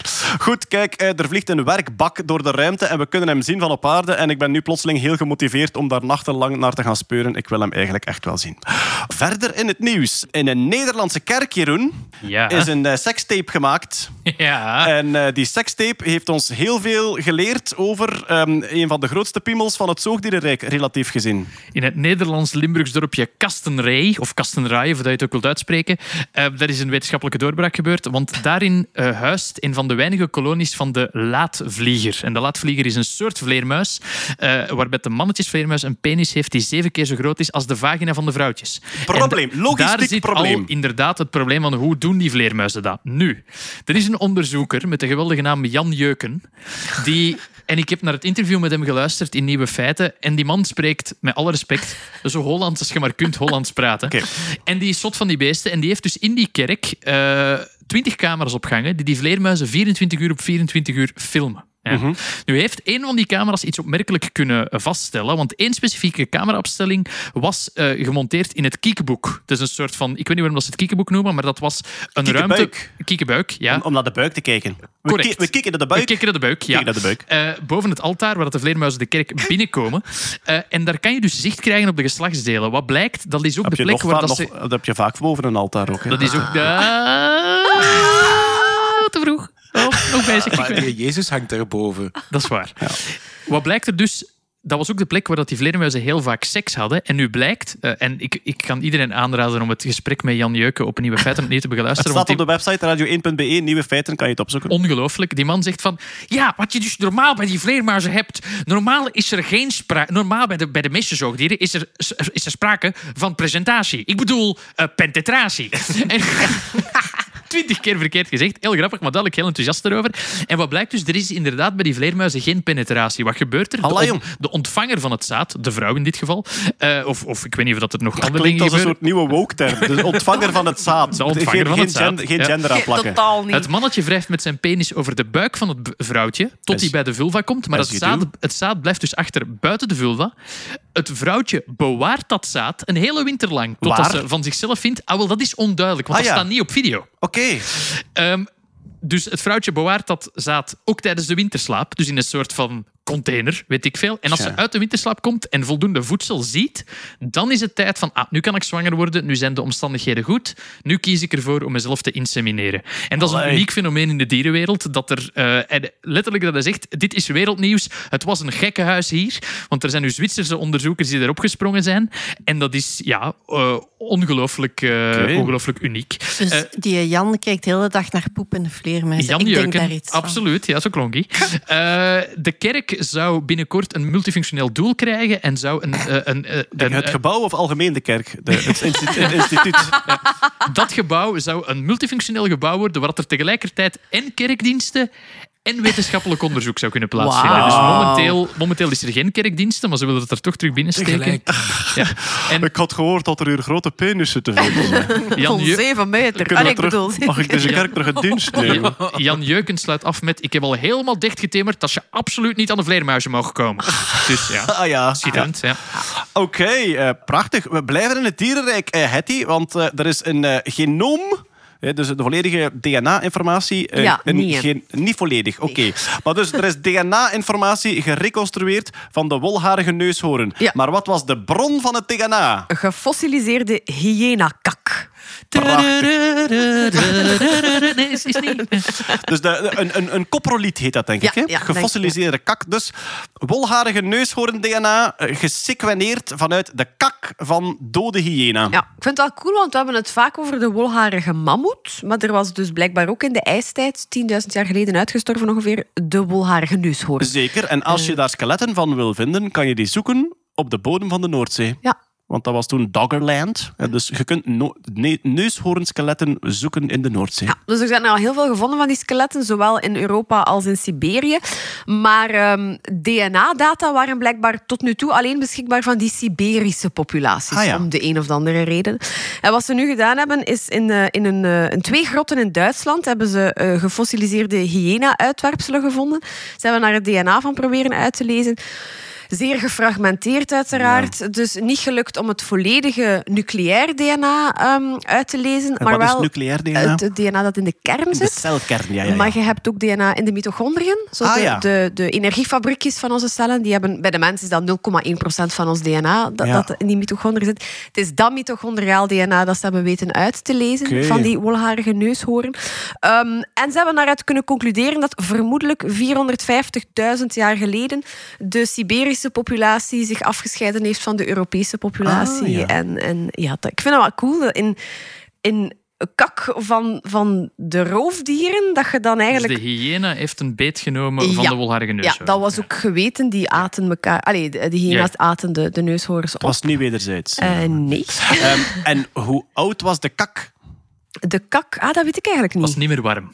Nee, nee. maar omdat het, het feit dat, dat DNA zo lang bewaard blijft. Goed, ja, we merken dat nu ook met zo die menselijke skeletten van tienduizenden jaren oud. En waar was er iets ze- speciaals met die kak gebeurd? Want heel vaak, als je, iets, als je een deftig fossiel wilt of een deftig overblijfsel, moet dat zo in, in, in een lavapool Goed gevallen zijn op exact Ja. hetzelfde moment Maar of we zo. hebben dat- wel veel van die swamp-achtige... Ja, ah ja, was een turfkak. Zoals je, Ah. zoals je een veenlijk hebt, een veenkak. Oh man, ik krijg nu opeens de neiging om, als ik nog eens in een veengebied ben, om daar overal te gaan kakken. Zie, ik zal nooit vergeten worden. Maar dan moet je wel eerst interessante dingen eten. Ah ja, voilà. En dan met de broek op je enkels omvallen in het veen en dan vinden ze u zo later. Ja, ja. inderdaad. Ja. Ze hebben het DNA van de Big Mac kunnen reconstrueren uit mijn, uit mijn veenkak. Maar wel cool, hè, in die is heel kak. cool, dat dat, ja. ja, van, Ja, van, ja, ja, ja. ik vind dat cool. Ja, super. Oké, eh, nog één DNA-dingetje. Er zijn mensen gecrisperd. Ba- Levende mensen, dus volwassen mensen. Hé? Eh, ja, Ah in het namelijk... Verenigd Koninkrijk. eh, nee, nee, Ah. ik denk dat het in Nieuw-Zeeland was. Ehm, er is een studie gebeurd om mensen te crisperen om hun cholesterol te verlagen. En het werkt. Oh. Dus, eh, eh, CRISPR, als ik mij niet vergis, is dat een revolutionaire techniek. Omstelling. Om snel en goedkoop veranderingen aan te brengen. DNA organisme. Ja, eh, CRISPR kan je doen op ehm, ja, ofwel de, de net bevruchte eicel, zodat heel het organisme aangepast is. Maar dit is een andere techniek. Hier hebben ze eh, CRISPR toegepast via RNA-vaccins. Oh. Dus het vaccin, zoals het ontwikkeld is, zoals het ook in covid-tijd gebruikt is, je kan via RNA-vaccins, kan je eigenlijk via vetbolletjes RNA binnenbrengen in een cel. Bij covid maakten die dan eiwitten van het virus waartegen ons immuunsysteem zich kon leren eh, ehm, eh, eh, verweren.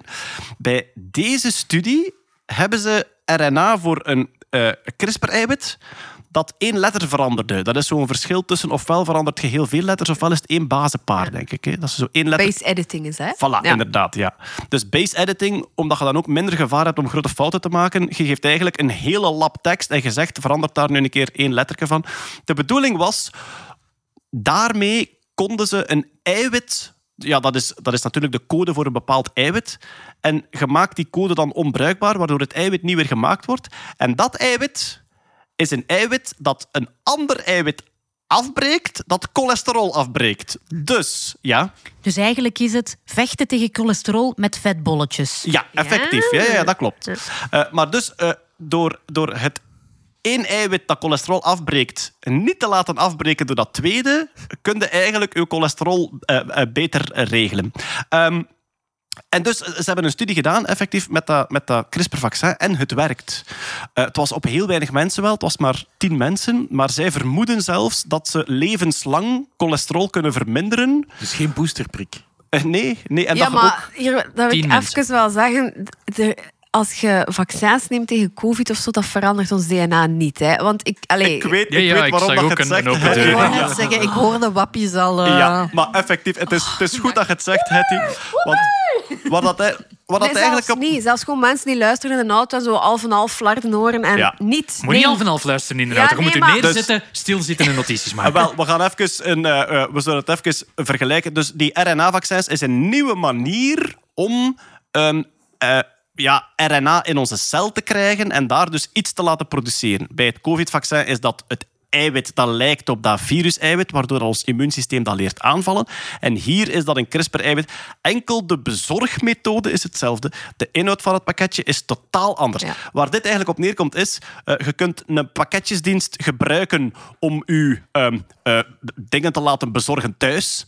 En misschien krijg jij, misschien krijg jij thuis wel voedsel bezorgd, wat je nodig hebt. Waar, waar gaat dit de, meta, de metafoor voel- parachute Wauw. gaat al open. Nee, nee. De, als je niet thuis de bent? Ze steken metafoor- een papiertje Nee. in u. Ja. Nee, de de Wacht, zal niet nodig zijn.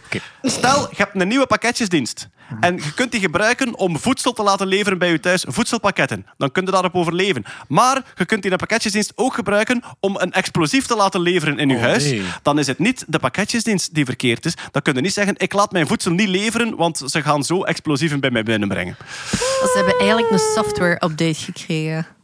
Nee, die zijn hem De, kwijt. pay- de, de payload is Ik veranderd. was al weg. En... Maar dus, ik denk wel dat dat, dat vrij uniek is dat CRISPR op die manier op volwassen, volgroeide mensen ehm Het is gebruikt dus geen wordt. vaccin, voor alle Jawel, duidelijkheid. jawel. Maar, maar wat dat ik wel... Ja, Hetty, wat ik wel heel gezegd had, dat ze geen nieuw ding gaan moeten krijgen. Dus het is Ah, toch nee, wel... dat weet ik niet. Ah, ik heb het niet gevolgd, dit Ah, nieuws oké, eigenlijk. om- Nee. omdat, als dat niet is, dan is dat wel een blijvende aanpassing Ah, ja, ja. die dat er Het gebeurt. is, het is, dat is ook de bedoeling, ja. Ja. Dat, ze, ze vermoeden dat, hè, want de studie is nu, is nu net gebeurd. ja, want dat is wel Eh, zot, want cholesterol en, en zo hart- en vaatziekten, dat zijn wel heel veel mensen dat daaraan doodgaan. Hè? Ja, en er zijn, ook- daar, daar, ja, daar draait ook een enorme tak van de farmaceutische industrie op, op die statines. Dus ik weet niet of wat die zo blij gaan zijn. Dat ik dat liever En niet die hebben mensen, zo doorgaan. mensen worden nu ook nog gemonitord dat die geen zijeffecten hebben. Hè? Want het is nu pas Ja, ja. Ja, gebeurd. tuurlijk. Allee, ja. Maar dat, dat staat er ook bij. Ja. Het is veel te vroeg om te zekerheid te hebben over veiligheid. Nu, het feit dat nu op mensen getest is, wil zeggen dat de dierproeven al gepasseerd zijn. Hè, want anders eh, krijg je daar geen toestemming voor. Soms. Maar ehm, CRISPR werd eh, tot nu toe op mensen eh, eigenlijk enkel gedaan op cellen die uit het lichaam gehaald werden. Hè. Dus witte bloedcellen uit het lichaam aanpassen en dan terug Of erin. cellen die zeer makkelijk bereikbaar zijn. In het oog bijvoorbeeld. Ah, ja. eh, dingen die aan het oppervlak liggen. ehm, Ja. Wel. Maar ik vind dat wel zot, want inderdaad, cholesterol, dat ik, wist, ik dacht dat al langer dat dat iets heel genetisch was. Want bijvoorbeeld, ik, heb, Tuurlijk. ik ben genetisch Ah, ja. voorgeprogrammeerd om een hele lage cholesterol te hebben. Mijn moeder ook. Wij eten mega vettig, mega slecht Echt, soms. hè? En dat, dat Ik heb tekent een- totaal niet Ik aan. heb familiaal een hele hoge, dus ik mag Ja. doen wat ik wil. Ik krijg hem nooit veilig. Ja. Ja. Dus je doet het ook niet. Eh, jawel, jawel, jawel. jawel, Wij moeten eigenlijk ons best doen dat hem niet te laag wordt. Ah ja, oké. Kan dat? Al die influencers gaan nu overschakelen. Allee, sorry, tinfluencers. Want ja, ik heb een artikel gelezen. Die gaan nu overschakelen van Ozempic naar dit. Eh, wie weet. Maar te laag kan zeker, want cholesterol is een zeer nuttig iets. Dat zit niet zomaar in ons lichaam. Hè. Dat is ook, eh, in heel die biochemical pathways komt daar nog van alles anders uit en zo. Dus eh, ja, je hebt dat zeker nodig, maar te veel is te veel. Prachtig. Oké, we hebben nog een paar fandom dingetjes staan. De Three Body Problem, hebben we het al vaak over gehad. Hebben we zelfs eens een, een special over opgenomen. Hè. Een, hebben we het eens over gehad. Three Body Problem is een boekentrilogie van een een eh, Chinese schrijver. eh, eh, ja, ik zou zijn naam proberen uitspreken, maar Frederik ga... ga Xiu- Section Leo, ik doe het niet ja, meer. voilà. nee. Els monteert Liu, denk ik, ja, in. Nu zo'n Google er erover zo. Ching, choi. Eh, fantastische boekenreeks, vooral omdat het is zelf ook een wetenschapper en hij, hij, hij schrijft science fiction, dus hele far-out ideeën, maar wel altijd met een soort onderbouw in, in bestaande technologie en wetenschap. We hebben het al gezegd dat daar een Netflix-reeks van gemaakt wordt momenteel. Die zou in maart op Netflix komen. Dus vanaf maart zou die daar te zien zijn. De trailer ziet er echt supergoed uit. Het is dan ook van de makers van De Game of showrunners Thrones. van Game of Thrones. Showrunners Eh, van Ben- Game of Benny Thrones. Doff en Wise. Of dat is ook Eh, de belangrijkste reden waarom ik het zeg is, als je de boeken wilt lezen, is nu wel de moment. Want vanaf maart gaat dat all over the place Is zijn. de denk reeks over de drie boeken of over het eerste boek? Ik denk de drie. Ik ben niet zeker. Nou, nee. Dan moeten we beginnen doorlezen, want Ja, eh, nee, het zijn nu- kleppers. Hè. Nu, nu dat je het zegt, eh, dat, kan, dat kan bijna niet, want ze willen sowieso meerdere reeksen. Dus, Dus ze het gaan... gaat het eerste zijn. Ja, Maar Oké, oké, dat is oké, lijkt mij wel duidelijk. Wat ik trouwens ook heel tof vind aan die boeken is niet alleen het sci-fi aspect, want dat is soms, allee, dat is niet altijd voor iedereen, Ja. maar dat is ook heel erg geworteld in Chinese geschiedenis, Ja. die historie. Dat, dat zit daar zo keigoed in. Dat, dat komt vanuit, een, hoe heet dat, de Chinese revolutie en zo. De En, en culturele revolutie zit daarin, dus dan zitten we, denk ik, jaren 60, ik, 70, had daar, zoiets. ik heb daar echt dingen gelezen waar dat mijn mond van open viel dat ik echt niet wist. Ik had net hetzelfde als het, eh, het confronteert u heel hard met, wat dat ook logisch is, uw heel, uw heel westercentrisch geschiedenisbeeld, wereldbeeld. Maar ja, Frederik zat toen ook in de podcast. Hè. Frederik, mijn niet bestaande neef, eh, volgens eh, Jeroen, Frederik Skepsis, de, de broer van Jonas. Ehm, Frederik zat toen ook in de podcast die dan ook zei van ja, al die... Al, al die verhalen die gebeuren in een bepaald computerprogramma dat een rol speelt in het boek, gaan echt over de periodes uit de Chinese geschiedenis. Sommige redelijk recent, zoals de culturele revolutie. Sommige langer geleden, met zo die vorsten die, die tegen elkaar aan het strijden waren. Dus daarvoor is het ook een heel, ehm, eh, een heel boeiend boek om iets bij te leren over een hele rijke geschiedenis in China, waar wij heel weinig van, eh van meekrijgen. klinkt complex en genuanceerd. Hebben jullie geen schrik dat dat er gaat uitgevlakt worden in, in, In de een reeks? adaptatie? Ja, Dat want zou kunnen, want bijvoorbeeld in heel die computersimulatie zitten ook personages als Einstein en Newton, omdat die volgt zo'n beetje de geschiedenis ook van de wetenschap. Gaan ze er dan voor kiezen om meer te focussen op de personages die bekend zijn in het Westen of niet? Ik weet het niet. ja. ik, ik denk, allee, het, zou, het zou mij verwonderen dat er geen ehm, eh, Chinese mensen zelf of mensen die toch echt heel goed mee zijn met de Chinese cultuur ook mee in dat project zitten om dat te ondersteunen. Dat zijn risico de, gaan de ze niet ik. hoofdrolspelers van Aziatische afkomst? Dat Of denk is er, ik is er, wel. ge- allee, want er is zo een rel geweest als Scarlett Johansson eh, het meisje van Ghost in the Shell speelde. Dat hebben ze deze keer niet... eh, Ik neem aan dat ze, dat ze ofwel voorzichtig genoeg zijn en ook realistisch genoeg. Bedoel, een, Het is een verhaal dat zo geworteld is in die In Chinese China, ja, cultuur voilà. dat dat bijna niet anders kan. Ja, dat kun je echt niet voor Amerikaanse. Voilà, maar ik kijk er geweldig naar uit. En ja, het eerste boek is uit. De andere twee moet ik ook nog lezen. En daar zal ik dan ook een keer eh, aan moeten beginnen, denk ik. Hè. En dan, Els, eindelijk was de eerste special van Doctor Who op de BBC. Misschien eerst om te beginnen. eh, Er komen drie of vier specials Drie. nu. Drie er in totaal. eh, Doctor Who heeft een traditie van kerst- en nieuwjaarsspecials. Ehm, ja, de vorige reeks is ook alweer een tijdje geleden. Was het einde van Jodie Whittaker als eh, eerste vrouwelijke dokter. En nu is het David Tennant terug. En de eerste special is net geweest. Ja, en het zijn eigenlijk drie specials ter ere van 60 jaar Doctor Who. 60 jaar Ja, al, zeg. verleden donderdag was Doctor Who jarig. Dat is ouder dan de Voyager. Ja, ja, Voilà. ja. Ehm, nu, misschien voor mensen die het niet kennen, even heel kort. Eh, jij hebt een buitenaards wezen, dat is een Time Lord, die eh, reist rond in tijd en ruimte in een ruimteschip. Dat is een TARDIS, dat is blauw, dat is een telefoonhokje en dat is groter aan de binnenkant. Daar gaat het eigenlijk over. Voilà.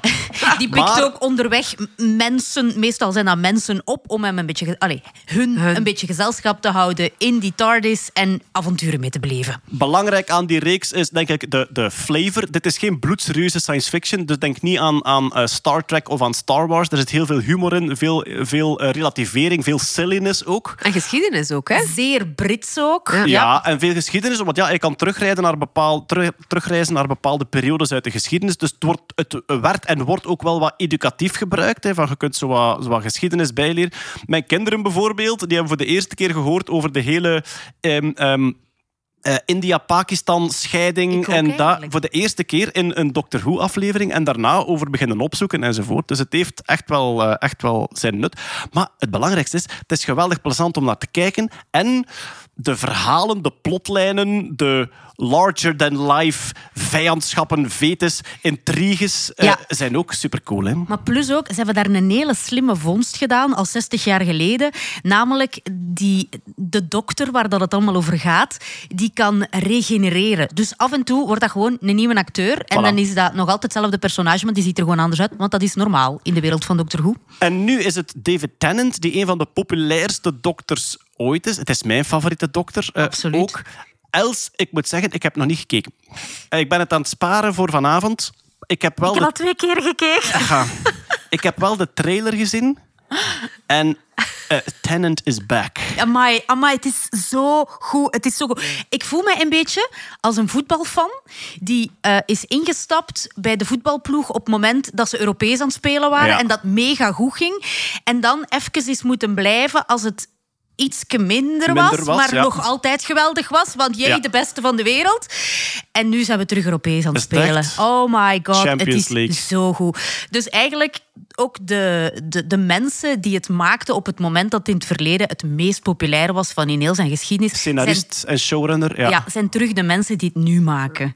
En ja, het is echt zo gecombineerd. Hup, baf. Allee, er is weer een, slechterik bijgekomen die ongetwijfeld heel lang weer gaat blijven plakken. Die zo bij, bij de Weeping Angels en, de, en, de, Ja. en, en zo gaat gaat bij in de rij komen. Kunnen mensen instappen met deze specials? Of is dat moeilijk?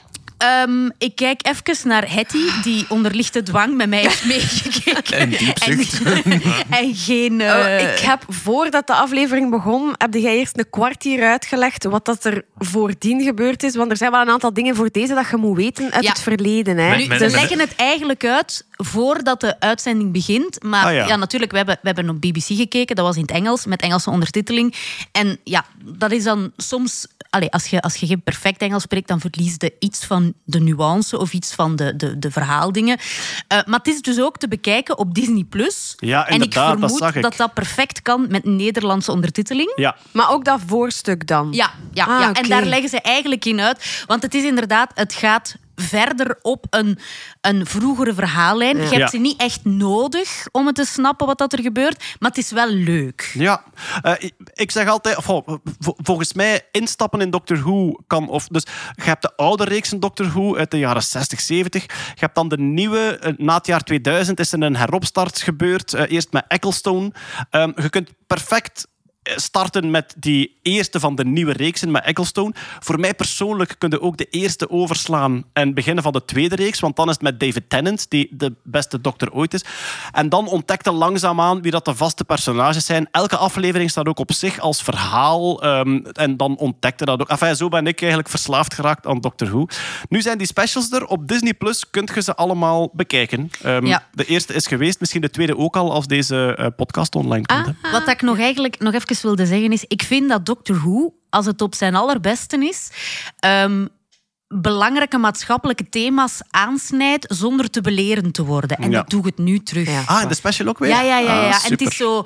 Want ja, je hebt altijd... Ja, je hebt altijd natuurlijk... Dat bestaat al 60 jaar. Er zijn mensen die er al 60 jaar naar kijken, die ook al Ja. niet meer zo heel modern zijn van gedachten altijd. Die het niet altijd tof vinden als er zo hele moderne ideeën daarin tevoorschijn komen. Maar het, het, ja... Ik vind het wordt goed in het verhaal geïncorporeerd en dan, dan vind ik dat gewoon super tof. Ik ga vanavond kijken. Doen. Sowieso. Alright, we gaan onze eh, fandom eh, loop eventjes verleggen van de eh, fictie naar de games. Want Kurt, je hebt ook een verjaardag en je loopt eigenlijk Happy al de hele tijd te glunderen omdat je hierover mag praten. Ja, het is eh, 25 jaar oud. Een spelletje dat heel veel ehm, computergamers ehm, gespeeld gaan hebben. Noem het niet gewoon een spelletje, Kurt. Het is Een beleving, een, een, een immersieve... Hoe heet het? Een immersieve beleving. Half-Life. Half-Life. Half-Life is 25 jaar deze maand en het is gratis nu even. Dus als je het nu Wat downloadt... is dat? Ja, Half-Life? Half-Life, oké. Dus in alle genres van computerspelletjes heb je first-person shooters. First-person shooters, heel simpel uitgelegd, je loopt met een geweer rond en je schiet op alles wat er beweegt. Doom. En Als je first Doom person, bijvoorbeeld, je- ja. first person, first je, je kijkt vanuit uw eigen ogen. Ja. je kijkt vanuit je eigen ogen, dus je ziet eigenlijk het personage niet. Je ziet alleen zo een beetje de bovenkant van het wapen.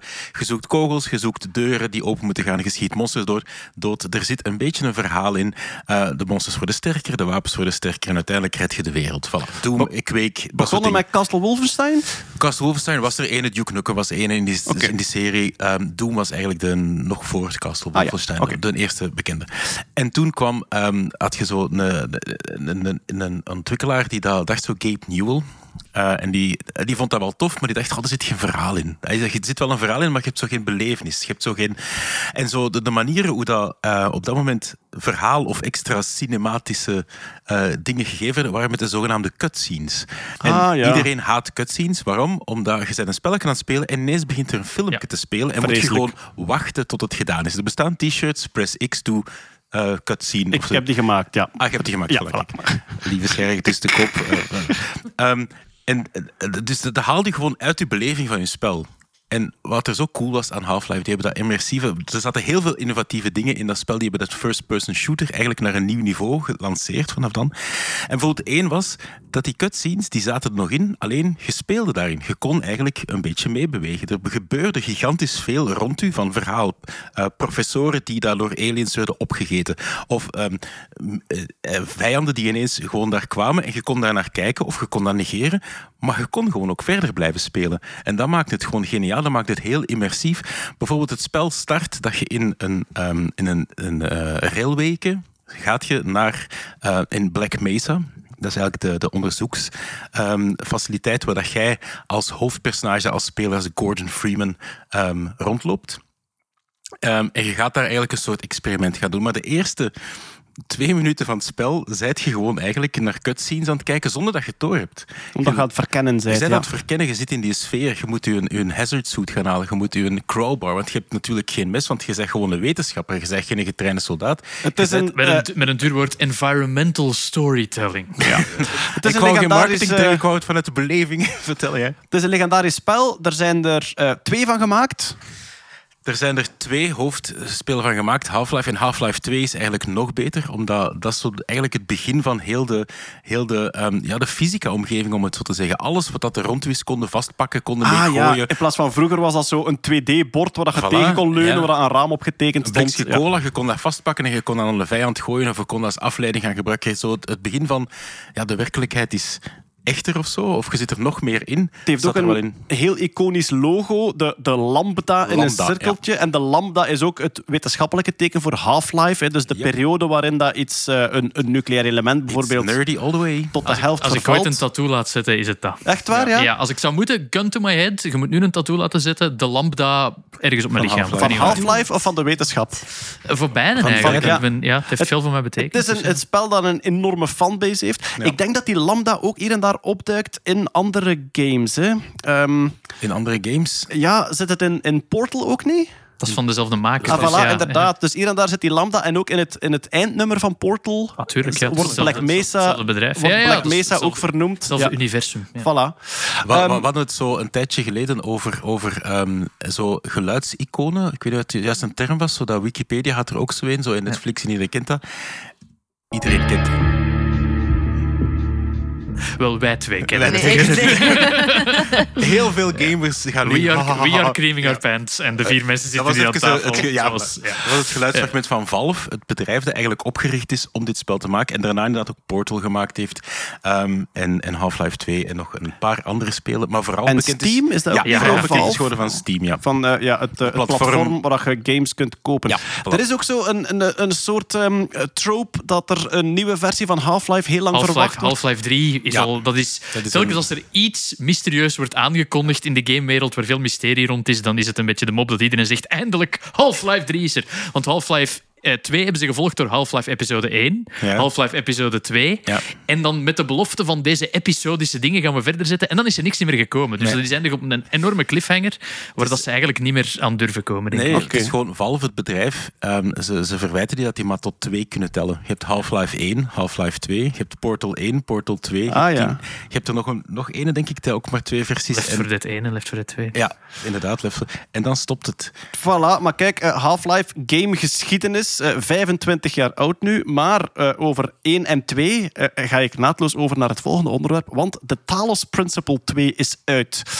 Ja, computergames, we, we hebben het er af en toe over, maar alleen als we ze legendarisch vinden. Ik vond de Talos Principle 1 vond ik een ongelooflijk fantastisch programma. Het is eigenlijk, je, je zijt zelf een artificiële intelligente robot die wakker wordt in een wereld waar de mensheid uitgestorven is. En je wordt constant getest, je moet puzzeltjes oplossen en je moet kijken, ehm, ja, eh, eigenlijk testen ze je AI-systeem om te zien hoe goed het Ja. al is. Absoluut, het leunt heel hard aan. Als je Portal of Portal 2 gespeeld hebt, dan is het eigenlijk dat soort genre 3D-puzzel met een verhaal met een hele toffe backstory, waar je, dat je ook heel immersief ingezogen wordt. Maar het mooie aan de Talos Principle is dat hun decors weergaloos zijn. Dit is het eerste spel, Talos Principle 1, waar dat ik effectief staan kijken naar het landschap. Dus gewoon stoppen met spelen en rondkijken naar het landschap, omdat het zo mooi vormgegeven was. Eigenlijk, ja, zo Keltische dorpen en zo en dat soort Ik dingen. vond die puzzels soms wel moeilijk, ik ga eerlijk zijn. Ze zijn heel moeilijk, maar ze zijn ook wel rewarding als je ze, als je ze vindt. Ze bouwen ook wel op. En je kunt altijd online kijken naar de oplossing. Hè. Ik bedoel, Dat, dat, eh, dat is niet volgens de erecode. Nee, hoor. maar ik speel voor mijn plezier. Dus wat ik het plezierigst vind, dat doe ik gewoon. Plezier. Ja, voilà. Eh, Talos Principle 2 is uit. Die trailer ziet er ook weer enorm Het goed ziet er uit. grafisch nog, nog beter uit. En die backstory is ook tof, omdat ze doen heel mysterieus, ze doen half religieus. Er zit, vind ik, een geniale clue in de Talos Principle 1. De vraag is, mag ik hem nu vertellen Nee, of nee, niet? je mocht tuurlijk het niet niet. vertellen. Ah ja, oké. Maar va. dan, bedoel, om, een heel klein beetje weg te Je geven... vindt hem online. Ja, om een heel klein beetje weg te geven, het Talos principe is eigenlijk de mensheid is uitgerust, uitgeroeid. Sorry. Ehm, en er is een god die bezig is om de mens terug via AI te laten genereren. En jij bent eigenlijk het testprogramma. Dat zet je Een- eigenlijk aan het doen. een nieuw bewustzijn in AI creëren en dat proberen ze te testen door kunnen ze die puzzels al oplossen, maar je wordt constant toegesproken door een soort godfiguur. You have done well on this My quest. son.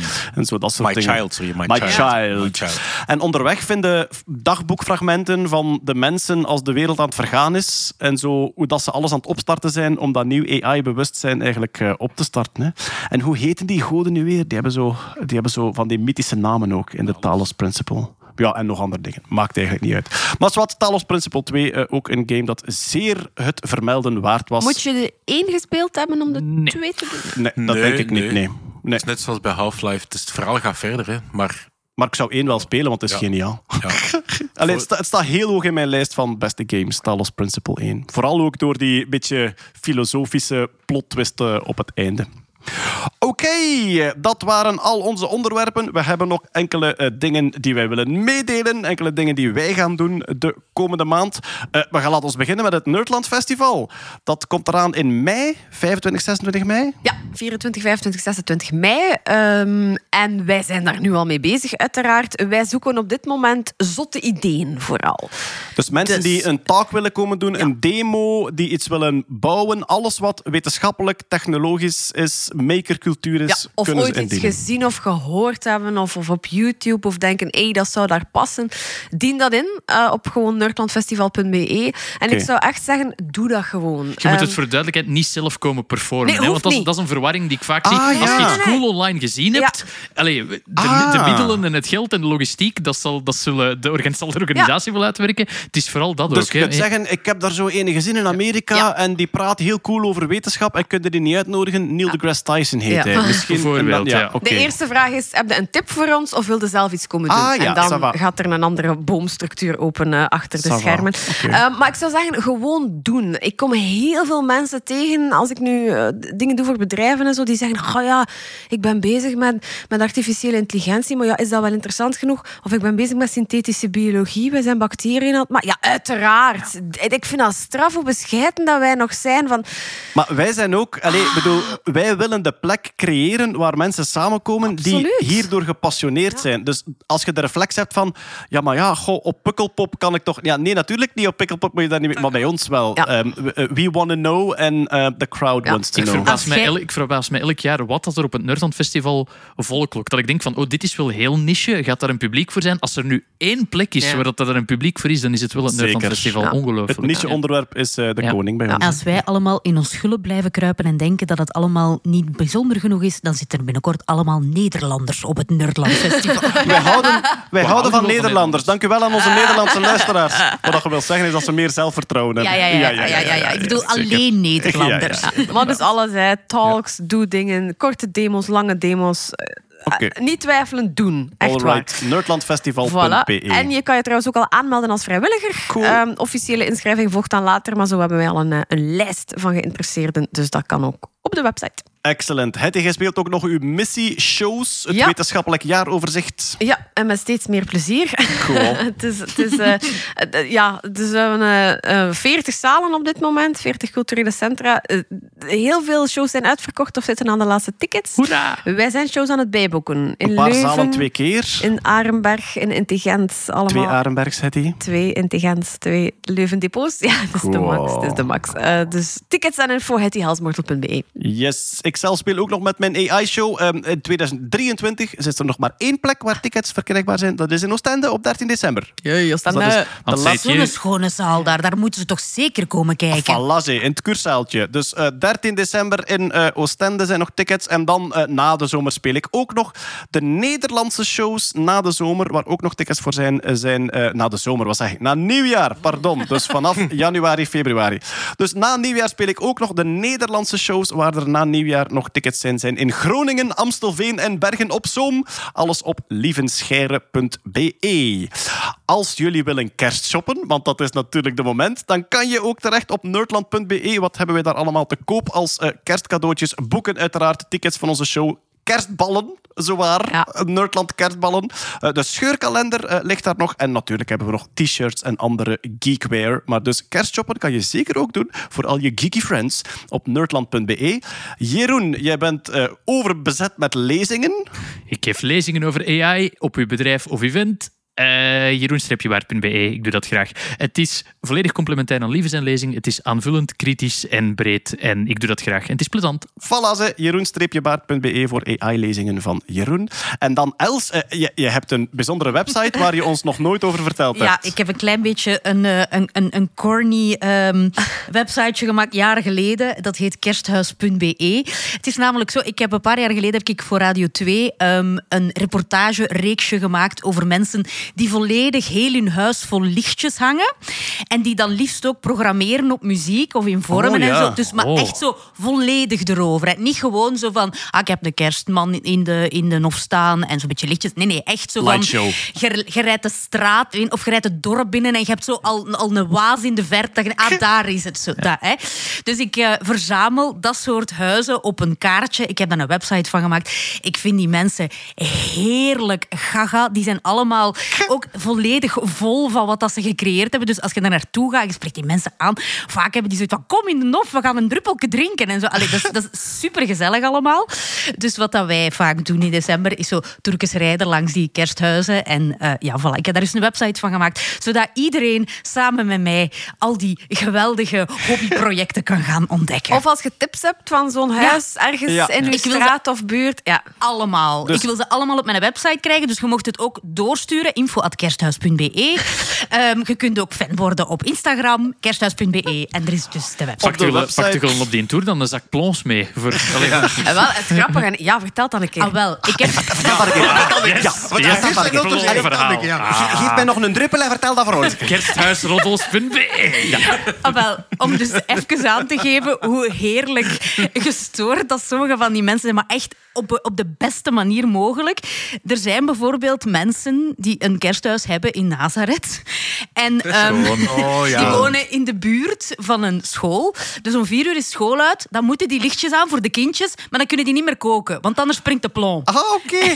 Dus volledig december wordt daar niet meer gekookt na vier uur. Is voor de kinderen. Die gaan dus constant friet nalen en zo. Want ja, de lichtjes moeten aan, hè. De Deliveroo vindt dat huis wel heel gemakkelijk. Geen sponsor. Het ISS ook. Maar dus eh, op de website vind je een volledige kaart met dan echt zo aanduidingen. Hier Ja, staat ja, een kerst. ja, ja. Er zijn ook aanduidingen. Hier stond een kersthuis. Ja, ja, ja. Dus dat zijn, ik wil, dan, ja, ik wil dan ook wel die nog een beetje eren. Soms Oh ja, zijn voilà. dat mensen die er niet meer zijn. Soms zijn dat mensen die gewoon gestopt zijn.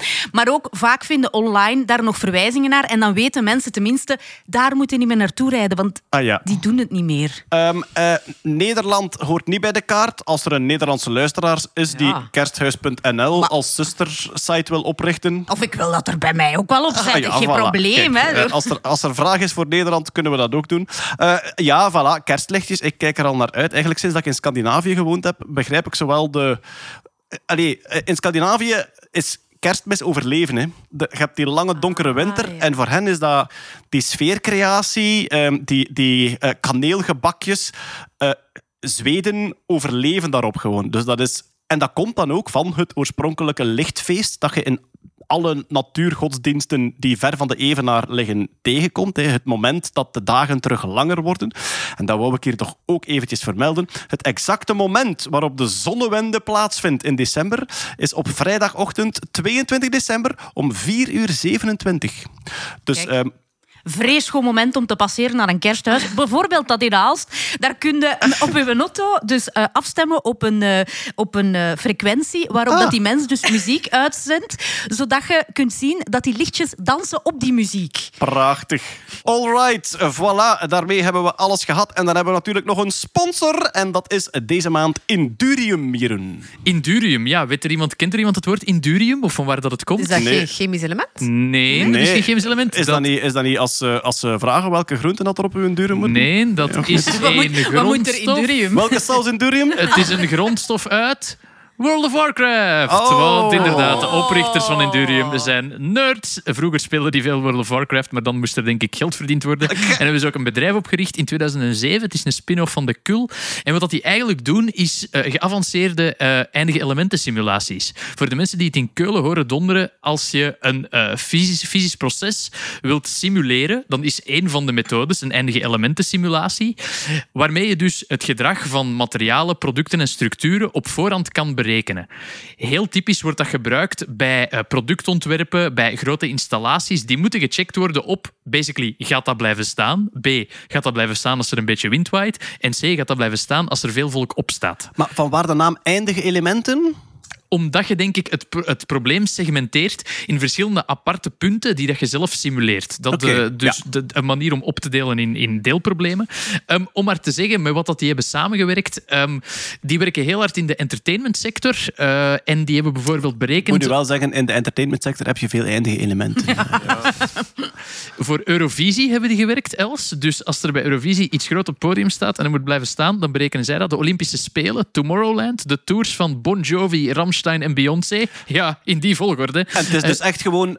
ehm, eh, is het bestendig tegen alles wat het moet kunnen? Dus het, het feit dat het podium niet op Bon Jovi zijn Ja. kop klettert, of, Of als dat je Beyoncé wil... op, een, op een groot paard over een podium kan, kan Ja. schrijden. Ja. Een voorbeeld dat ze gaven is Robbie Williams heeft een tour gehad waarin hij een soort van gigantische sculptuur van zichzelf op het podium liet dangelen, waarop dingen werden geprojecteerd. Ja, je wilt niet dat je publiek verpletterd wordt door de gigantische façade van Robbie Williams. Eh, ja, ik weet het. Ja, ik vind het ook heel grappig, maar dat wil het dus niet. En dan huurt je Indurium in om dat eh, de- checken. Charlotte Witte, Coldplay, ze doen ook tegenwoordig virtuele studio's. Als mensen En als de- je daar werkt, kun je dan ook het podium van Coldplay wel doen instorten? Is het dit wat de sponsor wilt? Ik ben hier aan het werk. Kan, hè? Als je, voor de mensen die The Mandalorian gezien hebben, zo het systeem van dat je een virtuele studio hebt, die aan de hand van het camerastandpunt eigenlijk op grote schermen, in plaats van een greenscreen, maar op grote schermen achter de acteurs eigenlijk de omgeving laat zien, ja. zodat je geen greenscreen meer nodig hebt, daar zijn ze ook mee bezig. Eh zij doen impactsimulaties voor bruggen, voertuigen van baggeraars. Basically, het is heel grappig. Het is eigenlijk een wiskundige techniek die zij heel verfijnd hebben en daar specialisten in zoeken. En die vinden terug in alles. Van Pretparken fiets- ook, hè, Van denk ik. fietspadborden, pretparken. Ja, inderdaad. Als je een rollercoaster hebt, dan wil je niet dat er iemand eh, daar, daar eh, grandioos uitflikkert. De, Oh my god, dat is live een rollercoaster tycoon. Moet het al Ah, kotsen? en Moet het al kotsen? Het moet wat trager. Een ander voorbeeld dat ik leuk vond is in de Pringelsfabriek in Mechelen. Want daar staat een Pringelsfabriek.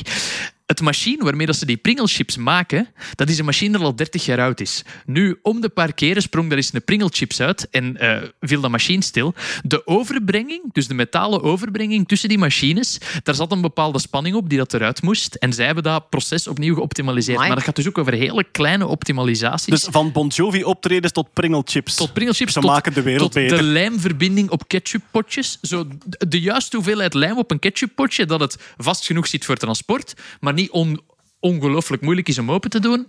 Doen die allemaal. wat zoekt zij, zoeken, zij zoeken eigenlijk mensen, ingenieurs vooral, die met eindige elementensimulatie bekend zijn, die dat daar willen werken. Ze willen ongelooflijk uitbreiden, omdat ze veel werk hebben. Eh, ja, En dus ze zoeken liefst mensen die weten wat eindige elementensimulatie is en daarmee kunnen werken? Of kun Ja. je, kan je ook opgeleid worden om dat te kunnen? Ze zoeken mensen die advies kunnen geven bij nieuwe productontwerpen, bij de materiaalkeuze, dus ook materiaalkundigen zijn zeker werk om eh, mechanische of thermische prestaties, het optimalisatie van bestaande ontwerpen. Vaak zit er in de laatste 2 of 3 procent van productontwerp zijn er enorme winsten te halen aan hele kleine veranderingen. Die simulaties daarin. Het is een redelijk klein team qua, qua grootte van sponsor. Ik denk, eh, een paar maanden geleden hadden we bedrijven met 50, 60 ingenieurs die sponsoren. Dit is echt een redelijk klein team. Ehm, en ja, die zoeken gewoon nieuwe mensen. Eh, een gemoedelijke sfeer staat er hier. Er zijn quizzen, er zijn filmavonden, alleszins.